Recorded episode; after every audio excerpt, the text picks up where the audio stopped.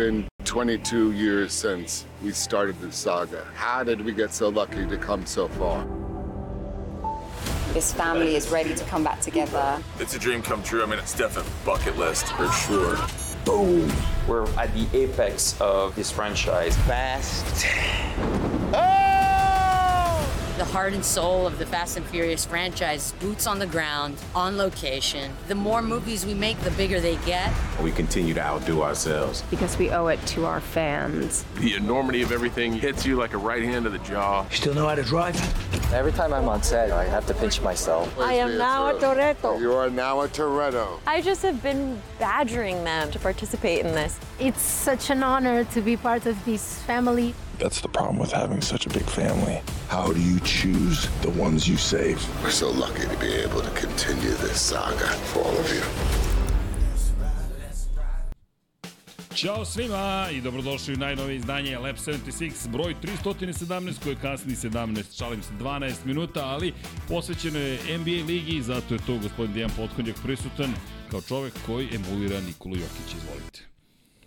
To je, to je, to je, to je mikrofon koji je završio u rukama, snažnim rukama gospodina Dejana Potkonjaka, popravit ćemo ga posle, ali Deki, Neću šta... više ništa da. Bilo je zakočeno sve, ne znam šta Puška se desilo. Je zako... Mikrofon je zakočen zato je završio u mojoj ruci, ali nema veze. Deki, šta si rekao, brži smo od uh, timova na 24 časa Alemana. I ovaj tim je u roku od 11 minuta zamenio kompletno postolje mikrofona, pokušali smo mikrofon, odustali smo, posle ćemo da se bavimo popravkama, ali Naradio se ovaj maršal od već tri godine i po, pa morao je neki šlaf i da odleti nije tako loše. Posle, ja mislim, hiljadu snimljenih podcasta. Neko nam rekao, mogli biste da očistite te mikrofone. Menjamo ove sunđere, ali ne da očistimo u kontekstu higijene, nego da ih očistimo u kontekstu rada. Možda ne znam koliko je proširno njima, ali nadam se da ste nam dobro i da ste zajedno sa strpljivom ekipom. Neki su ovde stigli iz Muđela, neki pripremaju prijemne ispite, tako da svako svoje, dakle, neko se trka, izgovori, neko, izgovori, izgovori, da, da, da. Ali to je cijela ekipa, tako da atmosfera na, na posebnom, a i dobili smo poklon, hvala direktno iz, čekaj, ovo je iz Mizana. Iz Mizana je stigao Marko Beceki, majica Marka Becekija i, ali vidi ko proizvodi, Ver 46 proizvodi Zamisli. majicu, neverovatno, deki, ja sam potpuno sada zbunjen ovom pričom, ali nema veze, ali hvala, divan poklon i ljudi šta da vam kažem, hvala što ste se večera sa nama, a i oni koji su uz, put, uz ekr, ekran, to je putem ekrana, uz nas udrite like, subscribe i sve ostalo, pa kako možete da ignorišete ovaj mikrofon ovde, dakle, Viki, ti si zapravo, nismo pre, radili smo Fast and Furious, ne Hulk, dakle, da, da, dakle, nije isti film, ali šalo na stranu. sad. Gotovo sad je to rešio, ali dobio se ovaj mikrofon koji jači iz nepoznatih razloga. A. A, ali nema veze, da, makar se lepo zabavljamo. Jesi dobro?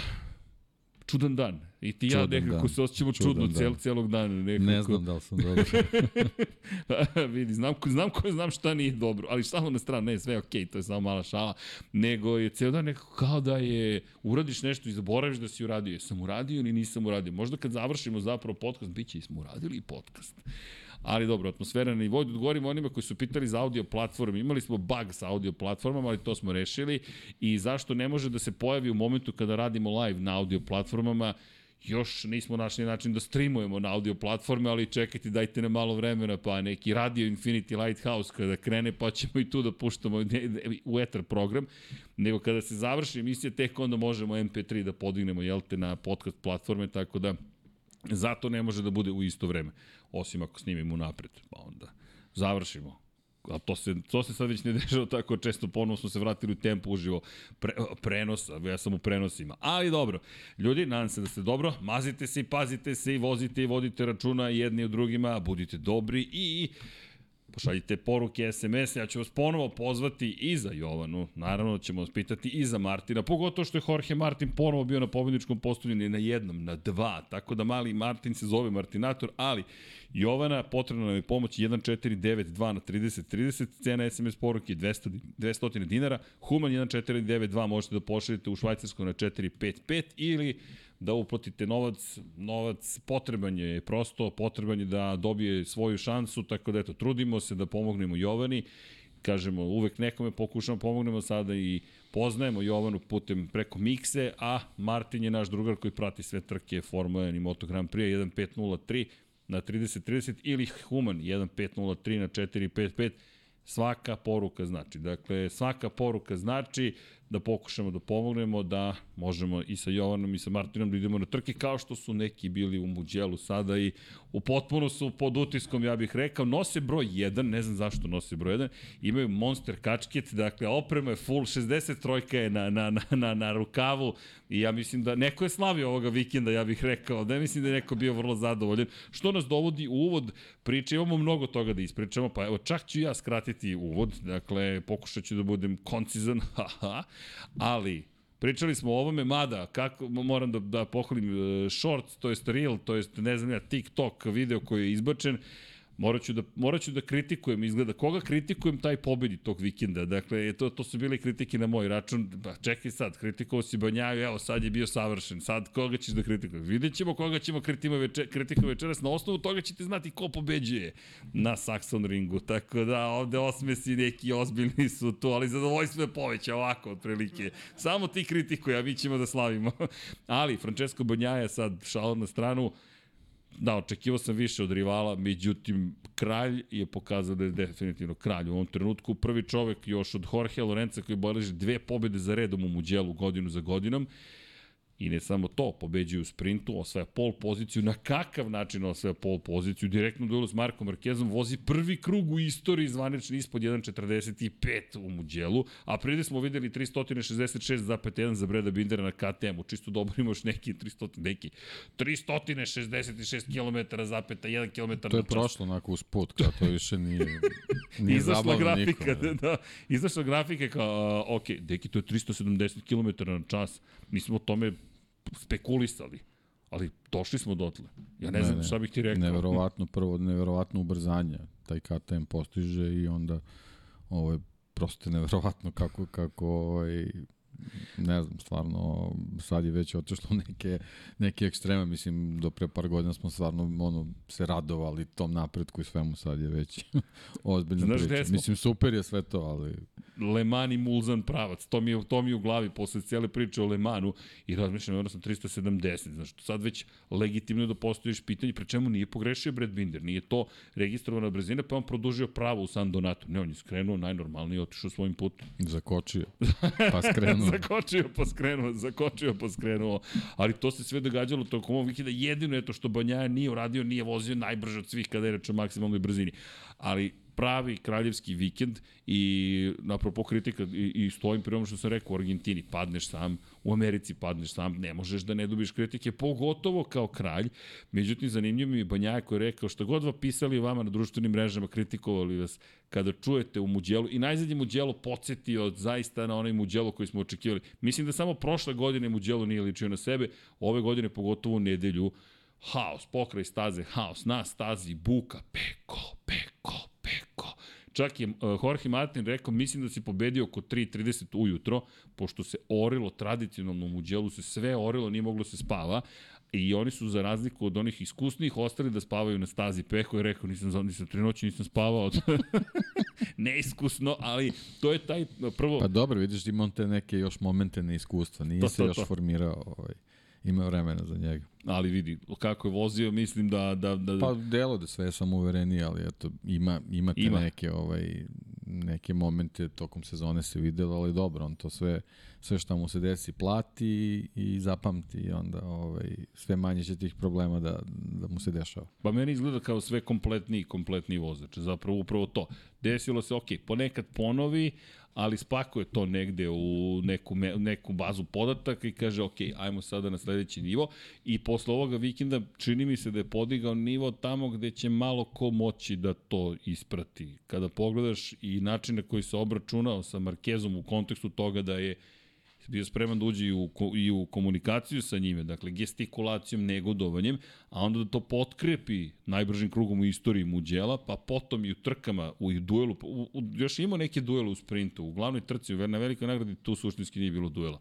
Baš se videlo da je nestao u daljini i vikend koji mu je bio potreban, pogotovo na početku trilinga vikenda, dakle trilinga trka, evo Nemačka je već tu za dva dana prvi treninzi, za devet dana su treninzi u Asenu i to mislim da je da Easy, profesor dr. Valentino Rossi šta je radio. Ovo su bili periodi kada je slamao protivnike i bukvalno iz te recepture kada je Banjaje uzeo jel te, jedan list i rekao, aha, to treba da uradim. Sad naravno to treba uraditi, tako da, bravo, evo, navijačima čestitam, Peka Banjaje, osmeh zadovoljstva je tu, ali odvezao baš, baš dobar vikend. Čak me podsjeti, moram ti priznati malo na Maxa Verstappena kada pričamo o Maxu dominaciju u Formuli 1, nije još na tom nivou, ali ovaj vikend je taj vikend koji, koji Max zna da pruži. Dođeš i kažeš, aha, i to ono što si ti rekao prošle nedelje, pa deluje kao da je ovo za Pa dobro jeste s tim što za Banjaju ovo ipak ima on posla tu dosta, nije, nije, nije to procentualno baš tako lako kao što Max Naravno. radi, ali ovaj, definitivno kad dođe na vikend zna šta treba da, da uradi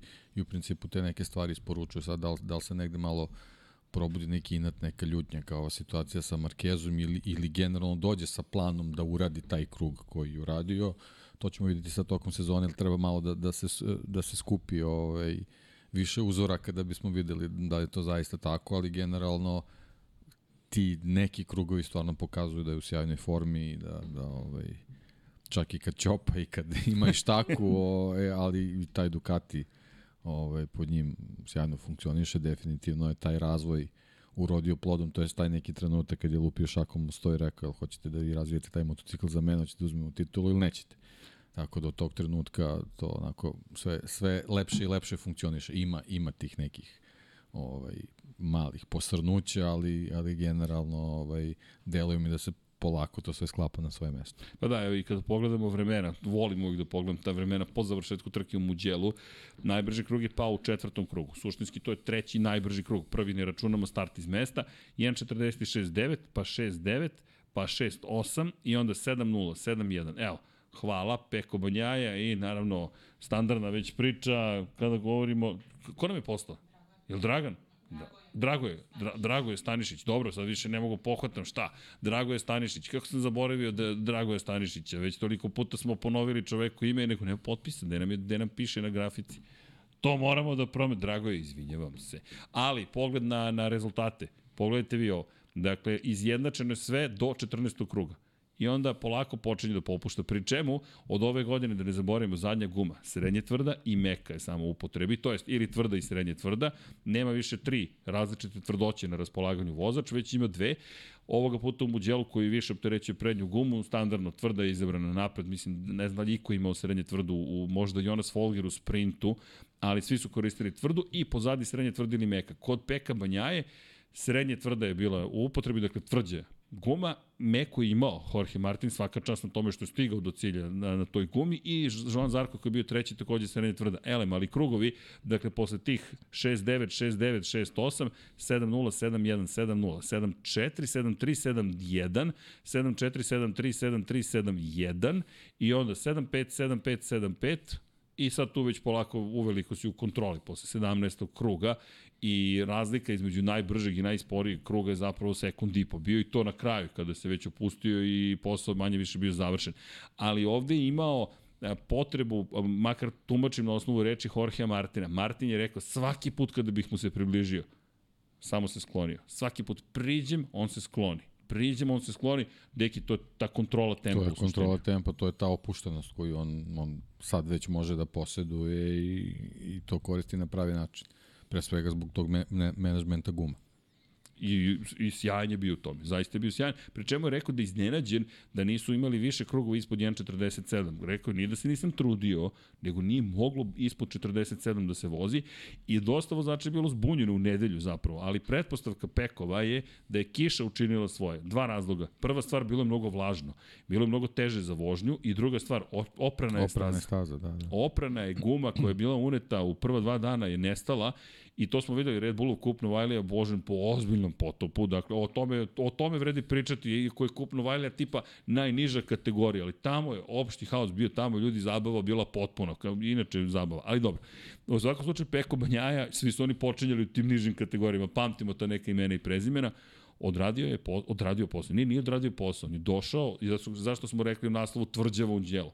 To sada postaje njegovo, njegovo mesto. Sad, sledeće godine kada budemo dolazili u Muđelo, biće pitanje ko će, ko će ovde sada da se nosi sa, verovatno, kraljem, pošto kako trenutno stvari stoji u šampionatu, čini mi se da neki dolazimo do prelomne faze prvih šest trka kao da su bile trke u kojima kada pogledaš rezultate je još uvijek bilo nestabilno. Kao da sada dolazi to, ta stabilnost koja je njemu potrebna. Naravno, testovi idu u Nemačku i Asenu, ali ovo dobar znak. Neću da donosim nikakve zaključke, opeko sam se pogotovo ove sezone, ali mi deluje da napravio taj korak koji Opeko. Op, ho, ho, opeko. kao kad pijem o sake ili o čaj. to je cenjeni peko, o peko, ako pričate na japanskom jeziku. Mada, Japanci trenutno nemaju mnogo veze sa pekom, imaju s nekim drugim. U digresija vidi na kako rano je uletela kroz Japan. Mark Marquez i Honda. Ljudi, zašto se zove Ringišpil? Pa zato što jedne nedelje kažeš, wow, šta je uradio, ovo je neverovatno, vratio se, ovo je samo celo pitanje trutka. Sledeće nedelje, šta bi? Šta bi? Pri čemu? Povređen Jean Mir u petak, povređen Alex Rins u subotu, pa u nedelju Mark Marquez i ti gledaš Honda desetkovana bukvalno, nemam predstavu šta dalje sledi za Hondu, pričat ćemo kasnije o najavi Saxon Ringa, ali realno, već sada je Zarko po završetku trke u Italiji rekao, ok, tamo se borimo protiv Markeza koji će biti favorit za pobedu. Ne znam da li je nužno favorit za pobedu u ovom stanju, ne bih ga otpisao u Nemačkoj nikada, ali bojim se da su stvari mnogo kompleksnije nego što su izgledale posle Lemana. No, da ne pobegnem od peka, samo sam hteo da, da primetim da što se tiče Japana nije baš najsrećnija situacija trenutno. Pričat ćemo posle Yamahi i o Franku Morbideliju koji je zvučao kao da kao da su stvari dosta jasne u Yamahi i ne baš na najsrećniji način i za jedne i za druge. No, Peko Banjaja, ne znam ni šta bih rekao, to su oni vikendi kada dođeš i pogledaš čoveka kao Max kada nestane, zato mi je Max bio u glavi, Nema šta da pričaš o čoveku, pa dominacija, pobedio je.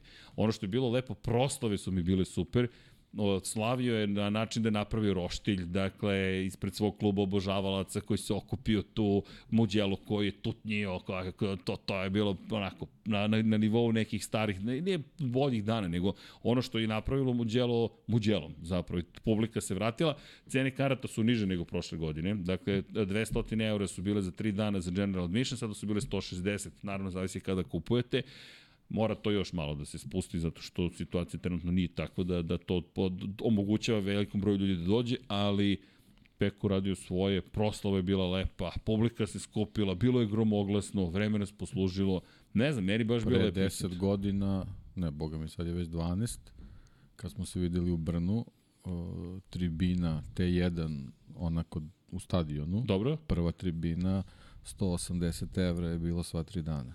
Tribina sa, sa ekranom. Sa ekranom i to je pogled, to je inače izlaz tamo iz pete, šesta, tako, sedma, ona do, znači da. početak, početak ovaj stadiona. Tu je sad VIP zona, inače. Da. Tu na brdu su gore napravili VIP zonu i, pok, i nat, natkrili i tako dalje, ali to je bilo savršeno za gledanje. Inače, Čisto poređenje cena. I si čuo da će možda asfaltirati Brno? Pa to bi bilo lepo. Pričaju da će da ga asfaltiraju. Glupo je da staza nema asfalt. malo, je, malo je čudno, nekako nije staza, ali nadam se nekako da će... Nekako mi nije vest. ne, ne, znaš šta je najtužnije? Što je to postala vest zapravo. To je najtužnije. Tako da ko zna, možda se Brno nekim čudom i vrati u kalendar. Ali okej, okay, to je neka druga priča. U svakom slučaju, Muđelo i Banjaja baš su bili onako magični i onda cela ta proslava i pa i taj, taj moment DJ koji izlazi na kraju da pušta muziku, ok, meni Dobro, to... Dobro, nekako mi se Peko svojim nastupom ne uklapa nešto, to nije... Nije on. Ne, ne idem iz njega. Ne, ne ali dobro, on Malo je drugačiji. Eto, čisto nešto nek usvoje pa ne krene. Vidi, makar Republika imala u čemu duži, da se zabavi, pa on je pokušao da bude DJ, simpatično je bilo, mnogo ljudi došlo srećno. Evo, kakav je utisak? Muđelo. E, mu, e, o, citiram, pff, savršenstvo.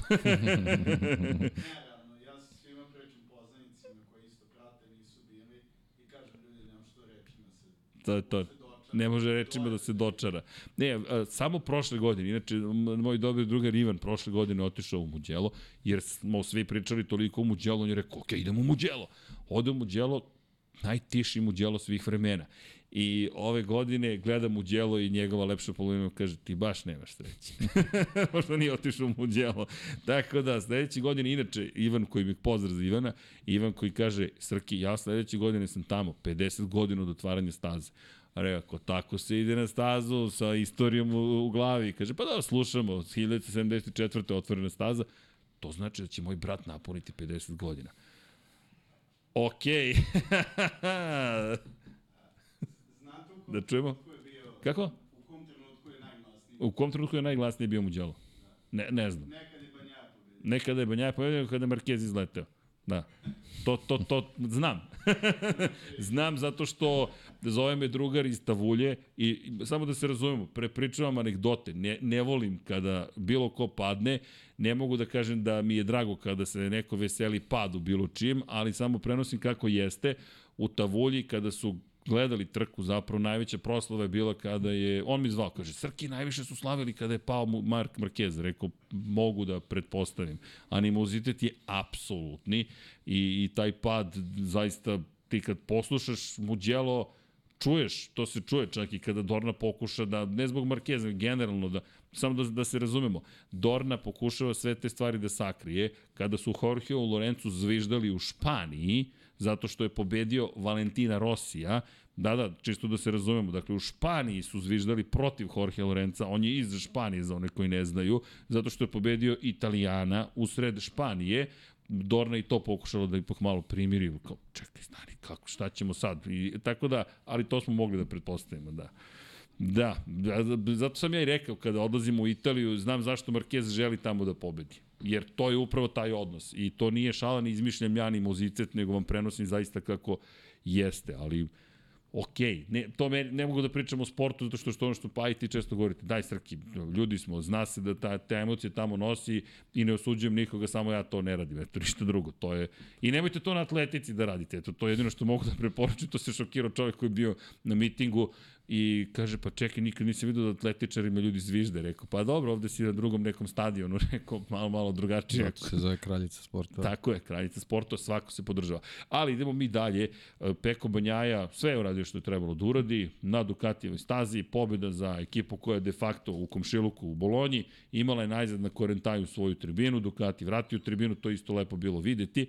Razne su se dešavale stvari oko staze, ali nisu toliko bile bitne za trku. Pregovori, razgovori, Muđel uvek privuče neku posebnu pažnju, inače bio je čak i skup između medija i menadžmenta Dorne, nismo prisustvovali, ali mogu poznano da vam kažem da je da se završio tako što je menadžment Dorne pričao sa sobom, a mediji su pričali sa sobom.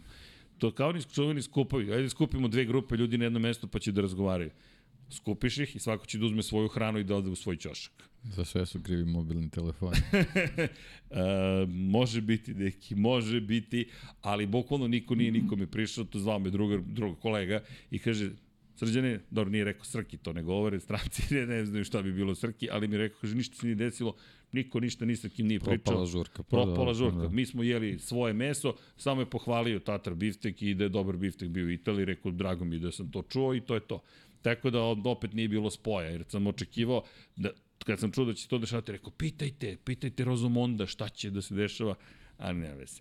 Elem, da se 17. put vratimo na stazu, ipak je 317. izdanje, Deki kaže, mogli bismo I srki. I kasnili smo 17 minuta. Tako da je sve u duhu, ali e, vratio bih se kasnije na Banjaju, šta sve ovo znači, tako dalje. Fenomenalna pobjeda, i uspeh koji je bio preko, ne, ne čak nije preko potrebno, koji je samo morao da se desi. Prosto mislim da, da u Muđelu nije smeo da, da kiksne i to nije učinio, ali moje oduševljenje moram ti priznati da, da leži u pramak ekipi. Zašto? Pa i njih smo kritikovali, da je to satelitski tim koji ne izgleda baš najbolje od svih Ducatija. Muniver 46 izgledao bolje, s druge strane Gresini prošle godine zabeleže četiri pobede, Alex Marquez činilo se da će on nešto učiniti na kraju izbačen u prvoj trci sa staze, Brad Binder mu je malo pomogao da napusti stazu, kažnjen Binder za to i u drugoj trci sam pogrešio. I odjednom prima pramak ekipa drugo i treće mesto. Na prethodnoj trci drugo i treće mesto. Na ovoj trci eto prima pramaka na vrhu sveta kada je reč o timovima i ne samo to. Ako pogledamo, ko je čovek koji se popeo četiri puta sada za redom na pobedničko postolje, ako računamo sprint trke. Jorge Martin, Deki, u ova dva trkačka vikenda, to je najuspešniji vozač ako pogledaš završetke trka, prvi u sprintu u Francuskoj, drugi u trci, treći u sprintu u Italiji, drugi u trci. Vikend koji je, moram priznati, nisam očekivao od Martina i rekao, najzad s ekipom smo našli način da radimo, da dođemo do onoga što smo hteli prošle godine I prvi put me podsjetio zapravo na Martina kog smo očekivali da bi Ducati mogao da angažuje. Ne kažem da je sad ovo renesansa, samo mi se dopada što je bio i hrabar, koristio meku gumu, odvezao dobre trke. Ne znam kako se tebi čini, ali evo ih i njegovi krugovi. 1.46, 8, 6, 9, 6, 8, 7, 1, 7, 2, 7, 0, 7, 3, 7, 3, 7, 2, 7, 3, 7, 2, 7, 3, 7, 4, sve to je vrlo blizu onoga što je Bonjaje činio. I to tačno do tog 17. kruga i tu već počinju da popuštaju gube. Mada je rekao, poslednje četiri kruga to je bio pakao na ovim pneumaticima. Pa dobro, da, oni, mislim, generalno i u sezonama iza nas imali su taj problem vezano za neke naše opaske i komentare što eto zbog nekih njihovih kvaliteta i motocikla koje koriste očekujemo uvek pobede. Koliko puta si spomenuo salto nazad? Uf, beskonačno mnogo. Eto, to je, i, i sve, svi ostali rezultati nekako padnu u zapećak zbog toga, ali ti kad pogledaš on, tu postoji neka, neka konstantnost, naravno, bodovi to, to i pokazuju, matematika je egzaktna, Ove, sa druge strane, ako pogledamo i pojedinačno, ove, Jorge Martin, da nisu bila dva pada u Portugalu i u Teksasu. I u Teksasu, tako je. Neki bodovi, sad ne znam kakvi bi tu bodovi bili, neki bodovi bi verovatno bili i, i, ovaj, i pozicija na tabeli bi bila ozbiljnije. I on je trenutno treći, 107 tako pojena. Je. 24 samo manje ima od vodećeg u šampionatu sveta, što uopšte nije mnogo. Dakle, kao što kažeš da je završio sve te trke, otvorila bi se situacija. Samo dve. Samo dve. Portugal i, i Teksas. I uopšte da. nije... Teksas pogotovo velika greška. To, to je na početku trke, ali generalno dobro pa, to je. Pa dobro, Portugal je na početku trke, dobro, ali nije greška. ali nije greška. Tuđa greška. Tuđa da, greška, da, tuđa to, greška, je, da. to je to je to je greška Marka Markeza. Ovoga puta on je bio taj koji sebe i Aleksa Markeza lansirao sa staze. Ali kada pogledaš Jorge Martin, moram ti priznati da sam ove godine prestao da očekujem previše, jer kao da su vrata Ducatija zatvorena. Drugo, i ako Ducati bude otvarao vrata, ne vidim da će gledati dalje od Marka Becekija zapravo. Zašto? Pa pride Italijan, dakle, prosto italijanska škola, nema, nema tu neke misterije.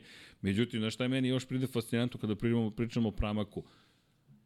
Ko je osoba koja je uz Peka Banjajko ima tri pobede u tri završene trke. Dakle, Peko kada završi glavnu trku, on pobedi jedini izuzetak je Argentina, ali to, to možemo da smatramo da, hajde, završio je trku, fakat, bio je 16. Ali kada nema padova u glavnim trkama, on je on je on pobeđuje. Dakle to je jedina pozicija koju on zauzima. Međutim, šta mi je fascinantno? Ko je čovek jedini koji ima isti broj plasmana na pobednička postolja u velikim nagradama, u glavnim trkama, pored Peka? Da li znate? Ovako na keca. Nije. Martin ima dva. Ajmo. Koji čo... Čekaj, evo, ajmo da pitamo publiku. Čekaj, ovo je sad očigledno je zanimljivo pitanje. Svi su se ispravili u stolicama i kao čekaj, ajmo da, da, da, da, da damo pitanje. Ajmo ovako, evo, pitanje za sve vas koji ste sa nama.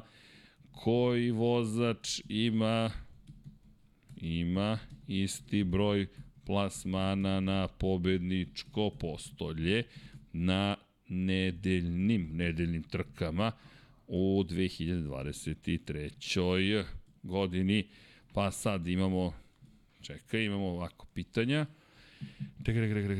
Ima ih, e, zapravo ima ih dva, izvinjavam se. Marko Beceki, da, njega. Ne, e, ne smem, e, Marko Beceki moram da pored Becekija i Banjaje. Po nas na pobjedičko postoje jednim trkama kao kao Banjaja, Banjaja i B Beceki. Dok sam ispisao, mogli smo svi da odgovorim. Dobro, Martin, Zarko, Marini, i neko četvrti ja. Da pomognem. Mada dok sam ja to sve otkucao, prođe. Your question is too long.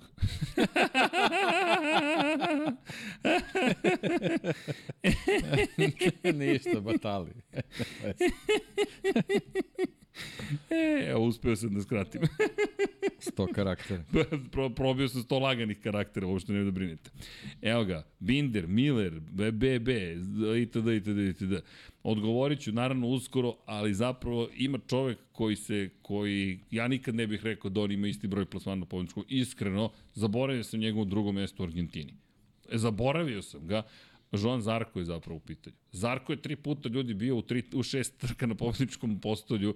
Meni on deluje to, toliko nevidljivo u ovom momentu, kao da upravo to. Nisi pobedio, nije dovoljno dobro. Čovjek je bio drugi, da, treći, treći. su ti standardi postavili ovaj, za, za vozače na, na Ducati, to je onako nekako stvarno ispadne med, medveđa usluga kad se nađeš na tom motociklu. Sve tebe očekuju, onako 25, 25, 25.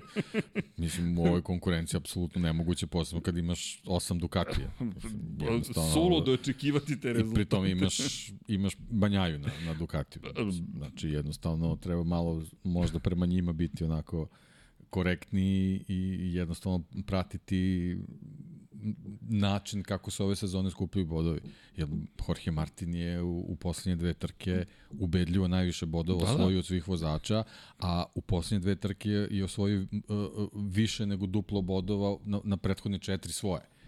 Tako da, mislim, momci su definitivno u nekoj formi, shvatili su i oni da, da ne trebaju po svaku cenu da, da, da jure taj, taj najviši plasman, jer, jer generalno uh, pričamo već nekoliko sezona o tome. Mislim, Moto Grand Prix je postao šampiona da je e, ključna stvar e, preživeti sve trke i završiti ih u bodovima.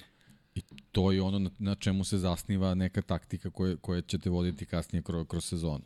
Svi momci koji su ovaj, iz razno raznih razloga ostali bez, bez bodova na prvih nekoliko trka sad su u velikom problemu i ulaze u forsiranja kojim samo donose nove probleme vrteška da, praktično. A Jorge Martin je to već na svojoj koži osetio u prethodnim e... godinama i sad vrlo dobro zna. O, a mislim da je on, to sam već spomenuo na podcastu, vozač kojem najviše odgovara novi format vezan za, za sprint trke. On posle sprinta je opušten što se tiče nedeljne trke i to se vidi. To nije onaj Martinator od, od prethodnih godina, nego neka evolucija. Da, i, i kada pogledaš njego, i kada poslušaš njegove izjave, šta je rekao posle velike nagrade Španije u Herezu, koja inače se desilo pre dve trke, iako je prošlo ovo vremena, rekao je, tada sam shvatio da treba da budem među vodeća četiri vozača na kraju trke. Bukvalno rekao, ne top 3, ne pobjeda, top 4.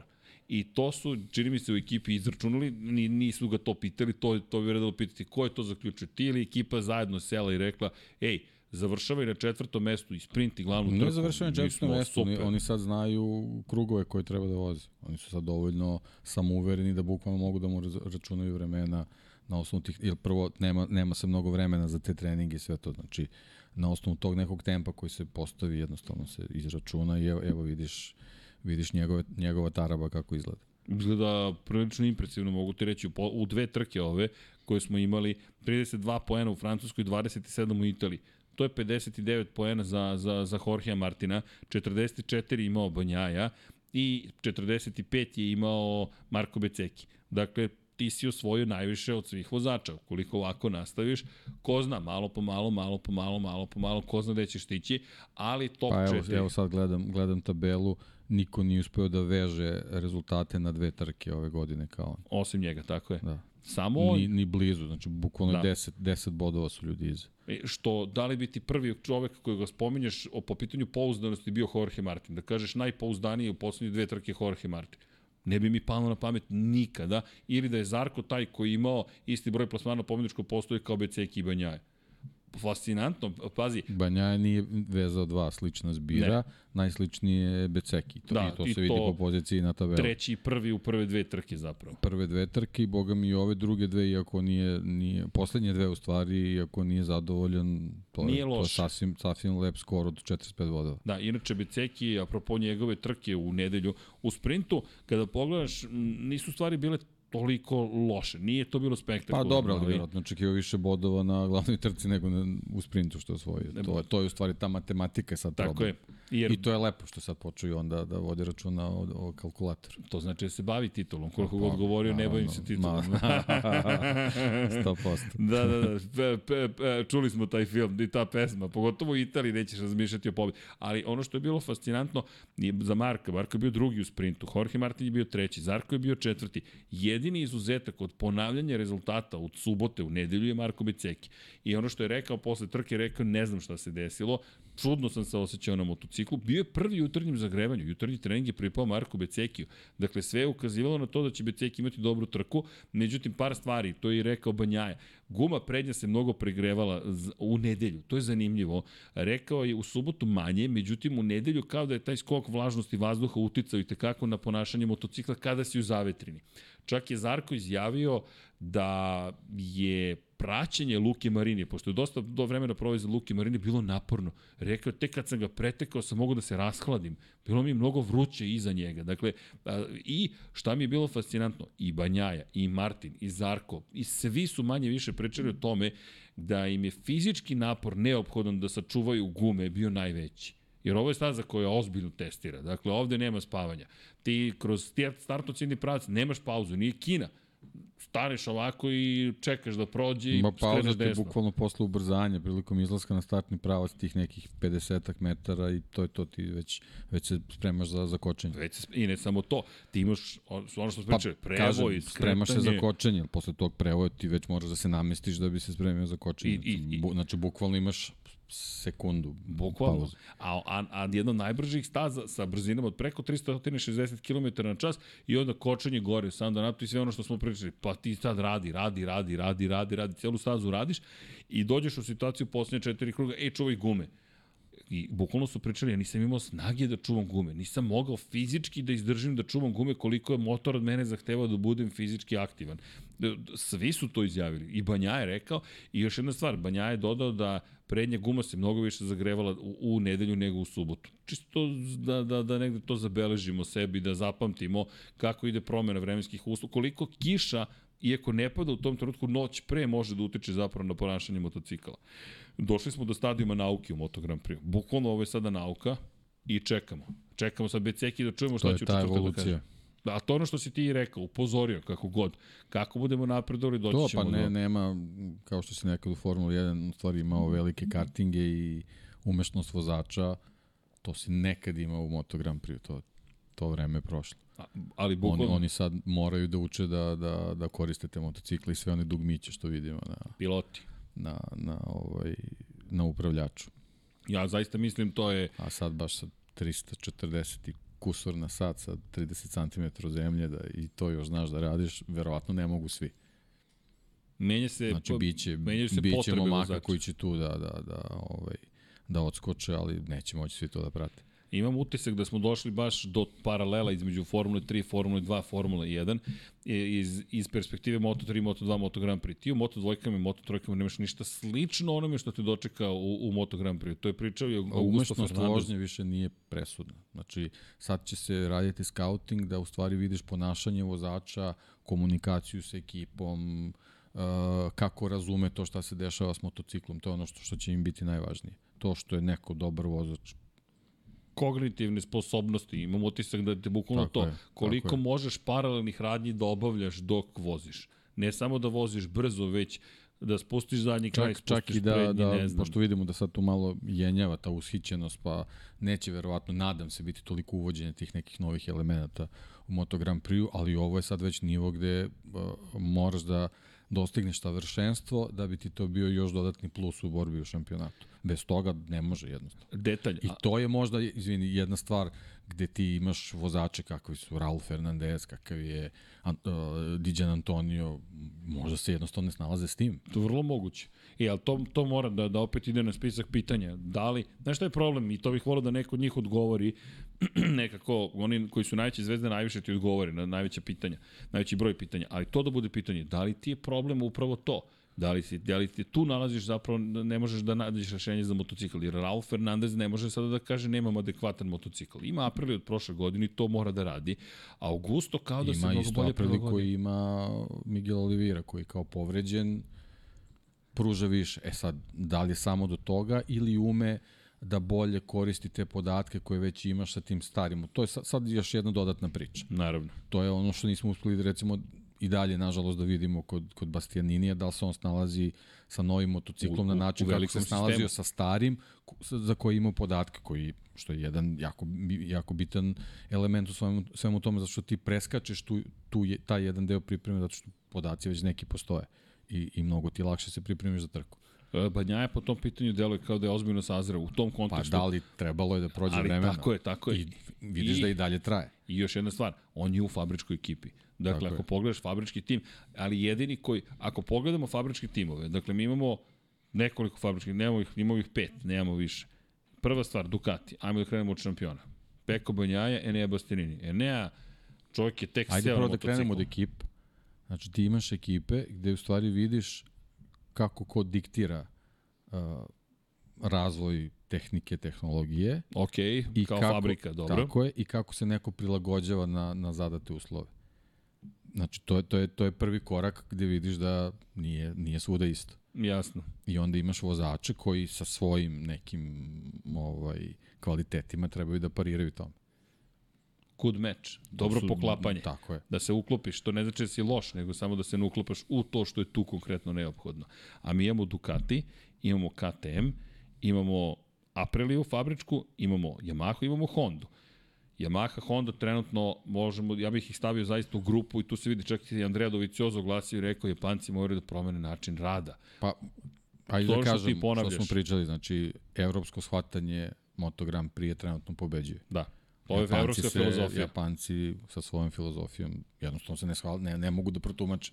Jednostavno je to za njih nešto što nisu otključali još. Ne, niko ne kaže da oni neće znati to da, da naprave. Nije to sad mislim, jeste svemirska tehnologija, ali i oni su toj priči, mislim, oni su jednostavno nacija koja, koja je vrlo posvećena na tome i, i insistira na tome, tako sigurno će oni pronaći put, kako, ako ne kidnapovaće nekog inženjera i razviće im nešto, ukrašće brzinu. Ernst Degner. Pa ukrašće im sve brzinu. mi jasno, da, ukrašće sve brzinu, okay, bukvalno. Ukrašće, platit, Jasno platit će nekog i on će im doneti sve i oni će to slepo svi da slede i nikakav problem. Koga bi ukrao, izvini? Pa nemam pojma, ja sad ne znam ko je ovde zaključan u podrumu i ko razvija sve ovo. To, to, to. Nekog moraš ne da znam, ukradeš. Tako je. Tako da to je, to je taj prvi faktor. Ja, e onda dolazi ovaj element vozača koji trebaju da se uklope u tu sredinu i da shvate u kom smeru ide taj razvoj. I šta treba tu da urade to, da bi izvukli maksimum. Tu je sad u najvećem škripcu je Fabio Quartararo. Na Fabio Delo je baš izgubljeno u celoj priči. Uh, apropo, iz- izvini, digresija, ali nije uopšte mala. Mala stvar. Fa- Fabio Quartararo, stalno pričamo Fabio, Fabio, Fabio. Franco Morbidelli izgubljeni, Franco Morbidelli izgubljeni, Franco Morbidelli. Franco Morbidelli na kraju završio među vodećih 10 i rekao je najzad vikend gde sam u top 10. E, to je sad možda to shvatanje. On možda, ok, polako, kakav i jeste, znači on je, on je čovek koji ne, ne radi ništa preko noći, nego za, za, za sve treba da neki proces Da, da. ovaj potraje, on je možda, možda počinje da shvata, da shvata kako funkcionišu inženjeri koji rade, koji rade na toj Yamahi. O čemu u stvari oni razmišljaju. E, rekao je da su baš naporno radili cijeloga vikenda i još jedna bitna stvar, e, dobio je pitanje, dobro, da li, si, da li ovaj rezultat da si pobedio, pa i tri bit, bitne stvari izjavio Franco Morbidelli. Podsjetio me zašto, zašto smo se svi zaljubili u Franka Morbidelli. Zašto Franki, ajmo, Franki says relax. Prva stvar, rekao je na pitanje da li si zadovoljan što si pobedio Fabio Quartarara, rekao to me ne zanima. Dakle, i onda e, pitanje je bilo, ali dobro, utjecat će povoljno na tebe. To me ne zanima, ja ne, ja ne, ne vozim motocikl u skladu sa time šta je potrebno i ja vozim za kako, zbog mojih, e, moje strasti prema motociklizmu, kako me strast vozi, nosi, tako vozim a ne da li sam pobedio Fabio ili nisam pobedio Fabija. Drugo pitanje je bilo, pa da li nastavak toga, pa da li ovo će dobro uticati na tebe, on kaže, na, za šta za mene? Pa sigurno će dobro uticati za tebe da ti poboljša poziciju u Yamahi, da produžiš ugovor za još jednu godinu. Da li želim da ostanem u Yamahi? Pa, da li želiš da ostaneš? Pa, pričaj, pitajte Lina. Lin Jarvis, šef ekipe. I onda još se nastavlja to pitanje, pa šta ti misliš? Pitajte Lina. Ali uopšte nije bio prijatan, Franki koji je uvek prijatan i ti odjedno shvataš, ok, ovde im postoji ozbiljna priča, ali je legitimno pitanje, da li je, on, da li je njemu Yamaha potrebno u ovom trenutku ili on potreban Yamahi, šta je uopšte potrebno Yamahi, to niko od nas ne zna. Fabio Quartararo ima ugovor do kraja sledeće godine. Frank je rekao da što se njega tiče budućnost je svetlija nego što je izgledala do skora, tako da pretpostavljam da neka ponuda na nekom stolu postoji, za šta ne znam. Moj utisak da će možda Gresini biti taj koji će povući potez i reći Italijan, sposoban, svetski šampion nekadašnji, čak i ukoliko zadrže Aleksa Markeza kome ističe ugovor, Frank Fabio Di Gianantonio deluje kao da prosto neće dobiti Ne snalazi priliku. se. Tako je. Ne snalazi se. Poput Tite Rabata. To je otprilike ta, ne, To- znači, da, to vrhunski to. talenat koji već, već ozbiljan kredit troši. Da, da, iz perspektive DJ, to je već sad, pogotovo sad ovaj Mugello. Prošle godine si bio na pol poziciji, sad nisi ni blizu Q2, baš je težak vikend bio iz te perspektive. Pri Ali- tom ostali Ducati su odleteli. gore. Bukvalno su svi, i to ne svaki Ducati je gore. Dakle, mi ne govorimo njih 3 od 8, ne, 7 od Uključujući 8. i timsku kolegu. Koji se mogao naći na pobedničkom postolju vrlo lako, a tek je stigao, ovo mu je tek šesta trka na Ducatiju u karijeri. Jeste dvostruki svetski šampion Alex Marquez, ali opet to je... Preporođen potpuno. Da, da, preporođen. Bez obzira na probleme, on je da odustaje rekao, mi sada moramo samo da... Na... Mi imamo brzinu, a to nije lako naći u ovom modernom Moto Grand Prix, što je jedna velika istina. Ali Franco Morbidelli vrlo zanimljiv izjava i onda Fabio Quartararo gotovo zaboravljen, da nije bio svetski šampion. Čak neko mi je napisao, kaže, pa da li uopšte na kraju će ispasti da je slučajna titula? Kažem, ne bih rekao da je slučajna. Fabio je pa, veoma... Pa ista je priča kao sa, sa Pramakovcima. Znači, Fabio Quartararo je jednako prvo mesto. Sve drugo, sve drugo je nevažno. Nevažno i, i njemu nije važno, Tako što je, je mentalitet šampiona i to je okej. Okay. S druge strane, e, za, za Morbidelija je za, za sve ljude sa strane jedino bitno da ga vide tu negde, da ne bude dole i sad je tu i kao sve je okej. Okay. Odjednom top 10 je u bravo. U kao bravo, da. Naravno, apsolutno, ni njega to ne zadovoljava. Ne, on je rekao, nisam zadovoljan Percepcija je drugačija za, za Frankija i, i u odnosu na, na, na Fabija, tako da Fabio baš kroz težak period prolazi. Inače, El Diablo kacigu je nosio, Diablo 4 nisam još igrao. Na, uh, na, na anketi na društvenim mrežama pobedio je Moto GP23 bolje, da ti ne kažem kako ga vozim, još gore nego G, Moto GP22. Samo ga otežavaju, otežavaju, dakle, neki ne znam, moram da se vratim. Znači, više nisi Srki, nego si poput Diđe Srđa.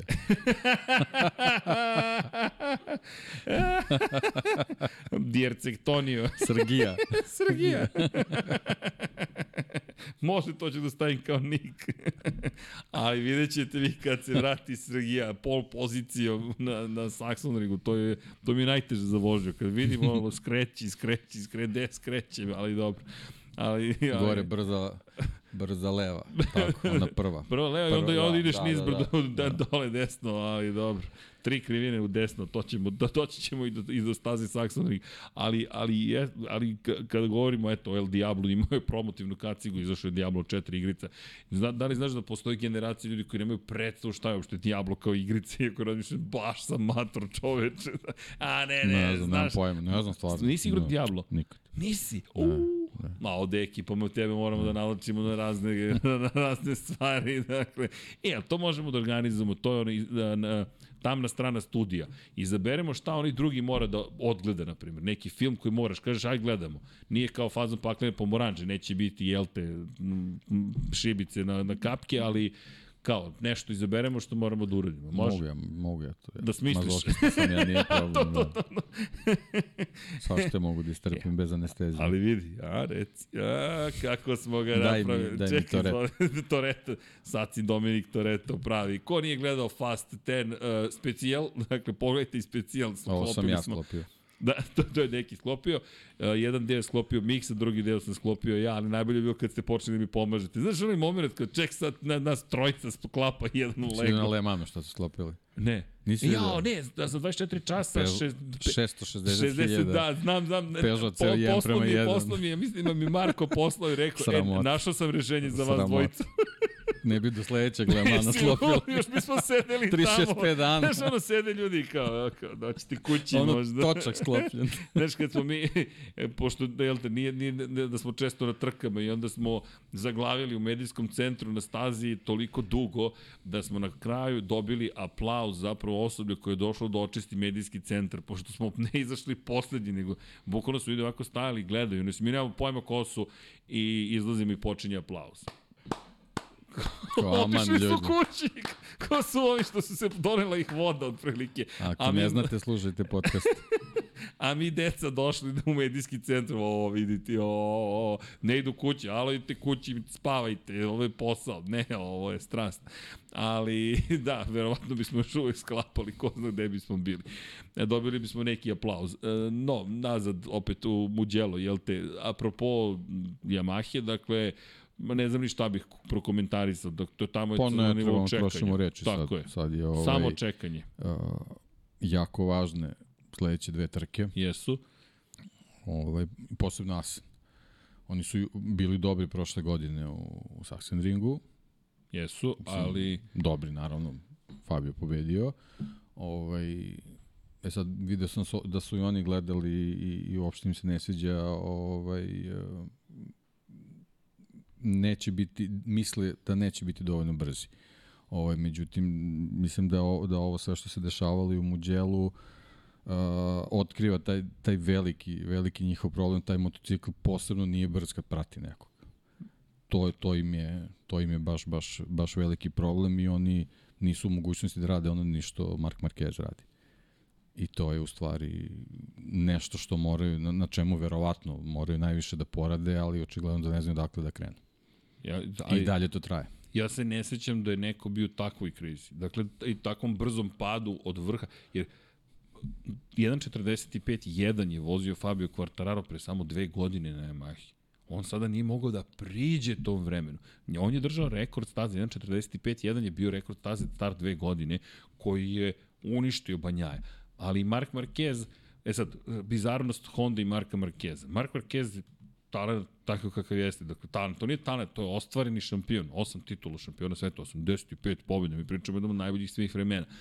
On je seo u zavetrinu Francesca Banjaja i vozio, svi kukaju. On je rekao, ej, žao mi što drugi to ne mogu da rade. Ja, mislim, nije mi žao, ja to umem da radim, drugi ne umeju da voze u zavetrini. Marquez je odvezao taj krug u zavetrini i vozio je, je samo dva čoveka su vozili brže od 1.45. Banjaja i Marquez. Dakle, na tom motociklu je sad gde je problem sa, na primjer, Hondom. Šta radi Marquez? Ide u potpun rizik. I on je rekao, mi ovo da bismo vozili, ovo je potpun rizik. Ali nije govorio samo o sebi, rekao je, Honda ima šampione, Honda ima pobednike u svojim redovima, koji žele uvek više, ne žele manje. I sad, ili će Honda da se popravi, ili će morati od svojih vozača da traži da budu lošiji da idu korak unazad, da traže manje. I rekao je, moj plan za trku je da budem šesti ili sedmi. Iskreno ne verujem da je mu ikad, možda plan neki koji je sa Santim rekao da bilo bi super da budemo. On se čovjek ne trka za šesto i sedmo mesto, on se trka za pobedu, to se videlo. Inače rekao je kada je pao da je problem zapravo bio u, na, u krivini je kočica zapravo blokirala i zato je otišao preširoko, tu je pokušao i kaže šta, gde, gde nastaje problem, otišao da prljam u stranu, to se jasno videlo, ali kaže sam već bio na gasu u momentu kada ja gubim kontrolu nad motociklom. I kaže, i dobio pitanje, mimovi su na sve strane po internetu bili sa raširenim rukama Mark Marquez, dakle to će da živi zauvek. I rekao je, to mi je reakcija, ponekad se pitate zašto. Znao sam zašto sam pao, ali širite ruke i sad ta situacija traži, da tražiš manje od svojih vozača. Kako u Yamahi da su rešili, ok, mi ćemo tražiti od sebe manje da bismo uopšte stigli do cilja, Marquez to neće raditi, on pa će evo, ići to na se, sve to se ovaj, možda i desilo s Yamahom Quartararo je pokušao da, da odgovori recimo šta se desilo na ovoj trci i, i otkrio je da je, da je pre trku razgovarao s inženjerima i uh, da je njegov, njegov izbor za trku bila meka guma. Međutim, inženjeri su ovaj, iskazali bojazan da sa mekom gumom neće moći da izdrži trku do kraja, stavili su ovaj, srednje tvrdu i ono što se dešavalo je da je on sve vreme bio iza Eneba Stijanina, ja kažem, nijednog trenutka nisam bio ni blizu mogućnosti da pokušam da ga, da ga obiđem, a guma se pregrevala tako da bukvalno pred svaku krivinu mislio da je, da je kraj. To je jednostavno nemoguće voziti trku na taj način. Znači, možda je bilo bolje ići na rizik da, da ga poslušaju, da stave tu. Jer jednostavno, uh, mislim da sad sa, sa tim nekim rizicima, uh, sa, sa slušanjem vozača, možda mogu da ustanove gde je problem. Ovako, ako pokušavaju nešto da idu na sigurno, pritom šta je sigurno? Završiti, završiti trku, biti 19. Ne, ne, ne vidim ko je to zadovoljenje za Yamahu, a posebno za, za Fabio Quartararo. Jednostavno, možda sad već trebaju da počnu malo više da, da, da ovaj, slušajte osjećaje vozača i da vide, znači ako, ako od 23, 21 krug sve funkcioniše poslednje dva nevalja. To je možda neki dobar put, nema veze. Bori se za neko 6. 7. mesto i padni na 15. Pa, posjeću poslednje dva kruga, ali bar znaš imaš egzaktan primer gde je problem. Oni ovako ponovo ne znaju gde je problem. Zašto sam duboko verovao da Honda i Marquez mogu nešto ozbiljnije da postignu u Muđelu? Upravo zato što je to bio njegov nastup u Le Manu. Nastup je bio na nivou, da, pali smo, mi smo zadovoljni. Ok, znamo šta možemo.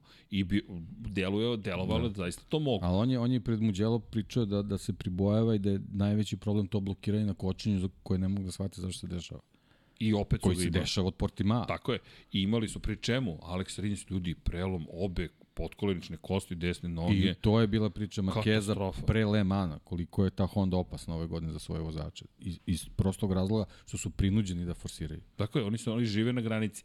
I ono što je on rekao, nije problem kad mi razumemo gde je granica, pa možemo neke stvari da kontrolišemo, ali kad vi ne znate gde je granica, a možete samo ovako da je nađete, dođete u situaciju da je zaista opasno.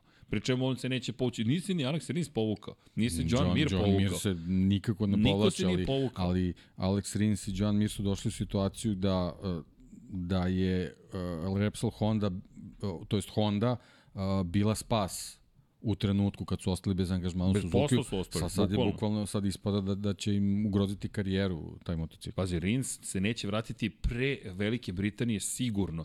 Dakle, mi govorimo Nemačka, Holandija, pet nedelja pauze i onda smo tek u Silverstonu. Znači potpuno van forme. To je, pazi, ti do... Ovo što se dešava Bastianini. Tako je. On će To je 6. to. avgusta sesti na motocikl, pritom danas, danas, dakle, mi danas imamo 14. jun. On dva meseca kasnije će se tek pojaviti na stazi. To je katastrofa, ti si bukvalno izgubio, Pa pri čemu je- gubiš to ove je dve trke. Nevezano samo za Hondu, to je taj problem ove sezone koji imamo. O, ovaj, ovaj ritam trka sa, sa sprintom je doveo do toga da, da, da jednostavno imamo krnju sezonu bukvalno od početka. Mi ne možemo da sastavimo trku sa, sa kompletnim gridom. Pola Espargara još nema. I Pola Espargaro, nažalost, ima otok na kičmi, dakle, preporuka je da propusti Nemačku, ali što kaže David Emmet, ja zaista stojim. David Emmet je neče vrlo razuman čovek. Dakle, koliko god da ga nosi strast prema motociklizmu, razumna osoba. Mnogo volim njegovu tu staloženost i pribranost koji je rekao, iskreno se nadam da Pole Spargaro neće voziti ni u Asenu da bi dobio posle Asena još pet nedelja da se oporavi u potpunosti. Ali pazi, Pole Spargaro još nije vozio trku čovek. Mi ćemo doći u Silverstone, on će tada sesti na gas-gas. To je, dakle, avgust. Čovek će doći u avgust, a na jednom je od 4K tema gde se postavlja pitanje šta će biti sa Pedrom Akostom, šta će biti sa Jackom Millerom, šta će biti sa Bredom Binderom, šta će biti sa Augustom Fernandezom. Inače, pohvale za Augusta, čovek je ponovo osvojio poen. Dakle, šest trka, šest poen, svaki put je svoje poene. Čak i kada sam izjavio, možda prvi put neće doći do poena Fernandez, on u poslednje tri kruga, ne znam šta je izveo, eto ga umeđu vodećih 15. Čisto da ga pohvalimo, ali Pole Spargaro nije tu. Miguel Oliveira, još uvek... Skoro. skoro. skoro se vratio. Skoro, da, ali da. odustao i on od ove trke. I on je napravio grešku. Imaš sad Aleksa Markeza koji je blago bio povređen. Imamo vodećeg u šampionatu koji vodećeg, je na, na štakama, Luka Marini koji vozi povređen, Enea koji nam je tek stigao i ti zaka, čekajte ljudi, ko će uopšte da nam ostane ovde čitav, bu- bukvalno čitav, jer oni voze sada povređeni. I ti sada ni nemaš luksus da propuštaš neke stvari, a opet, šta sad treba Poles Spargara da dođe sa nagnječenjem kičme i da kaže rizikujem povredu životnu koja može Maverick Vinales jedini zdrav pravi. A, ti si ga prvi spomenuo. Znaš što moramo da uvedemo igru? Piješ čaj, znači, ali ne, pošto, Cheers. ali litar čaja moraš da popi. Ko prvi spomene Maverick se litar čaja mora da popije. Pa da, a da izdrži do kraja emisije za stolicom. A? U našim godinama, a, to je test, to je test, deki, da se ne prave pauze. Ali, da, eto, Maverick Njales, 12. je bio u ovoj trci. I katastrofa za Apriliju, realno govoreći. Dakle, kada, kada već spominješ Aleš Espargaro, čekaj.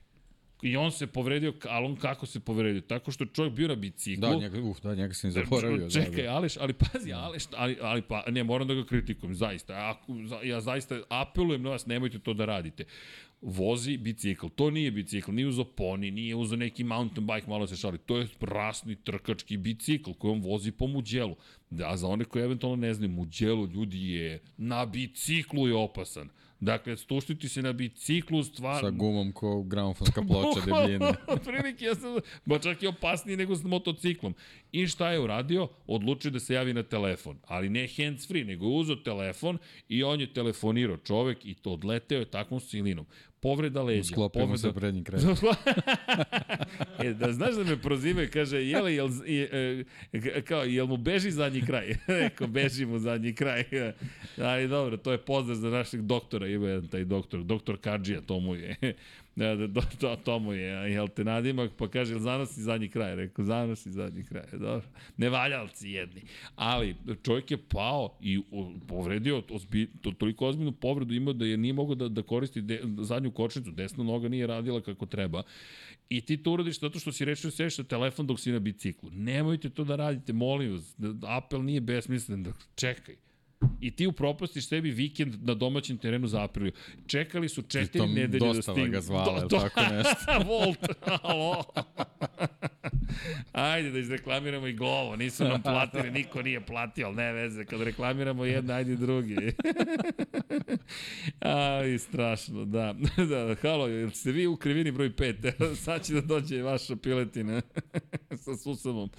Ali da, Aleš Espargaro koji je tako odleteo čovjek sa bicikla i onda šta imaš? Aprile, pri čemu? To je jedan naj... Jedno, ne, čak je važnije od Mizana. Mizano je okej, okay, ali ti si u muđelu čoveče. Aprile koja želi nešto i dobije jedno veliko ništa. Bukvalno na kraju. Pa dobro, sad da li je... A nije, deki. Malo... Ducati, Ducati, Ducati, Ducati. KTM. Pa dobro, sad Mugello, Mizano, okej. Okay. Što, misliš da je manje... Pa, Misliš da je Mizano vredniji? Ja, pa ne bih ja sad Mizano rekao nema veze. Ne, ne, ne, ne, da nema veze. Apsolutno ne, ne, ne, ne. stoji da moraš u Mugello da budeš okay, ali ne mora to da ti bude motivacija. Misliš... Motivacija je da si ti Aprile koja se boriš protiv Ducatija. Ok, ali pride si u mu, vidi, Naravno. znaš i sam koliko je Ducatiju značilo da pobedi u Mugello. Pa ko se popeo na pobedničko postolje? Claudio Domenicali. Vidi, Deki, znaš... Dobro, apsolutno da, ali... Razumniji Deki, ja, sam manje razumno u situaciji, da, ja tumačim između redova, ali Claudio Domenicali, to je izvršni direktor cele kompanije. I on je otišao na pobedničko postolje u Muđelu. Nije prva pobeda sezone, pa da kažeš ja moram zato što je prva pobeda. Ne, to je pobeda u Muđelu. To je, to je taj moment, evo, da. atmosfera kakva je. Ne, veći, veći... Ti si da sportski da kažem, od mene. Problem za aprilu. Aleš Espargaro, super i on završio trku s obzirom kako je povredu ima. Ali Maverick Vinales je bio sporiji od Yamaha. Maverick Vinales je bio 12. Mislim, to je, znači opet start je katastrofalan, non stop je katastrofalan na startu. Samo ide unazad. Znaš, mislim, ti si top klas vozač, kao imaš problem nekako da pokreneš taj motocikl, mislim, koliko je trka već prošla, mislim, moraš da, da, da savladaš to, ja ne, ja ne znam šta, kakvi su sad tu problemi postoje da on jednostavno ne može to da reši.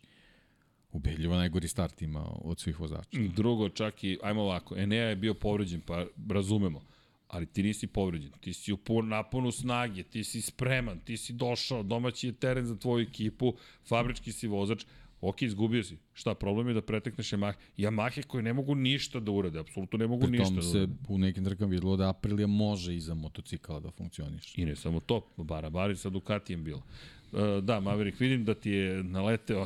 ne, ne, naleteo zato što cela, cela priča kod tih povređenih vozača, da on ni ovu sad uh, situaciju ne koristi, ne koristi najbolji da. način. To, o, o tome sam samo hteo da ovaj, sad ne ulazim u analizu njegove ove trke, mislim, pozicija na tabeli, kažem, na, na, na, na plasmanu posle ove trke dovoljno govori, ali generalno pričamo o celom šampionatu gde gde se mnogima svašta nepredviđeno dešava, ti si konačno trouble free što se toga tiče i, i opet ništa. A pri tom imaš motocikl koji je koji je evolucija nečega što je prošle godine konkurisalo za šampionsku titulu.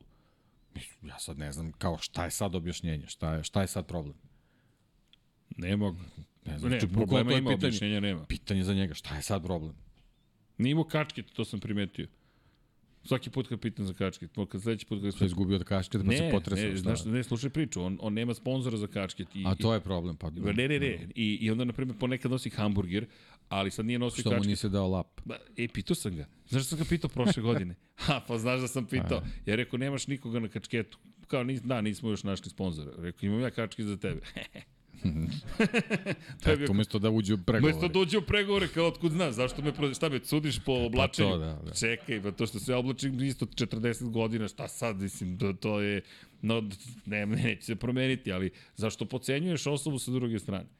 Nema, zato što nije u menadžmentu Fabio Kvartarara, da se tamo učlani kod njega u menadžmentu, da dođe Fabio da pregovara sa mnom i da kaže ovo je moj vozač.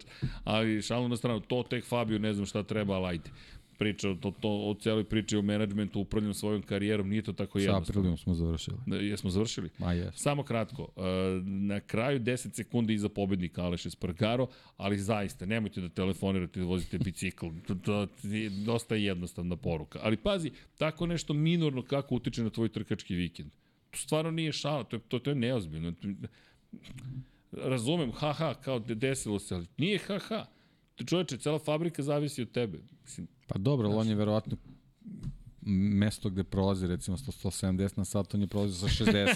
ok. Znaš, da, da, da fakat, mnogo je sporiji bio. Da, znači, da, verovatno je tako ovaj, posmatrao Pa, situaciju. moguće, ali eto, nadam se, nadam se da izvukao neku pouku iz cijele ove priče, ali dobro. Mada ja mislim da on, ja mislim da će njegova sledeća sezona biti oproštajna, da je ove godine s- ništa mu ne ide i da će na kraju reći, ok, 2024. to je moja godina, Labudova pesma, ajmo sada da izvučemo maksimum i držimo palče. Nek sad potroši svu lošu sreću. Evo, Aleš, da. pošto pogotovo, ja sam slab na A, Aleš. a, a za, za, za Maverika jednostavno zaključak ove trke, ti ne možeš da budeš lošiji od timskog kolege koji u takvoj situaciji. Ne. Nikako ne možeš da Ne. budeš lošiji. Sa takim motociklom na, na ovakvom profilu staze. Sedi jedan. Vratili smo se na brda i Pa, da. proplanke. Dobro, to, da ne ponavljamo da svaki ne put. ponavljam. Ali vidi fakat. Ide Asen, ide ide Asen. Asen, ide Asen. Ide Asen. Ajmo Aleš, oporavi se do Asena.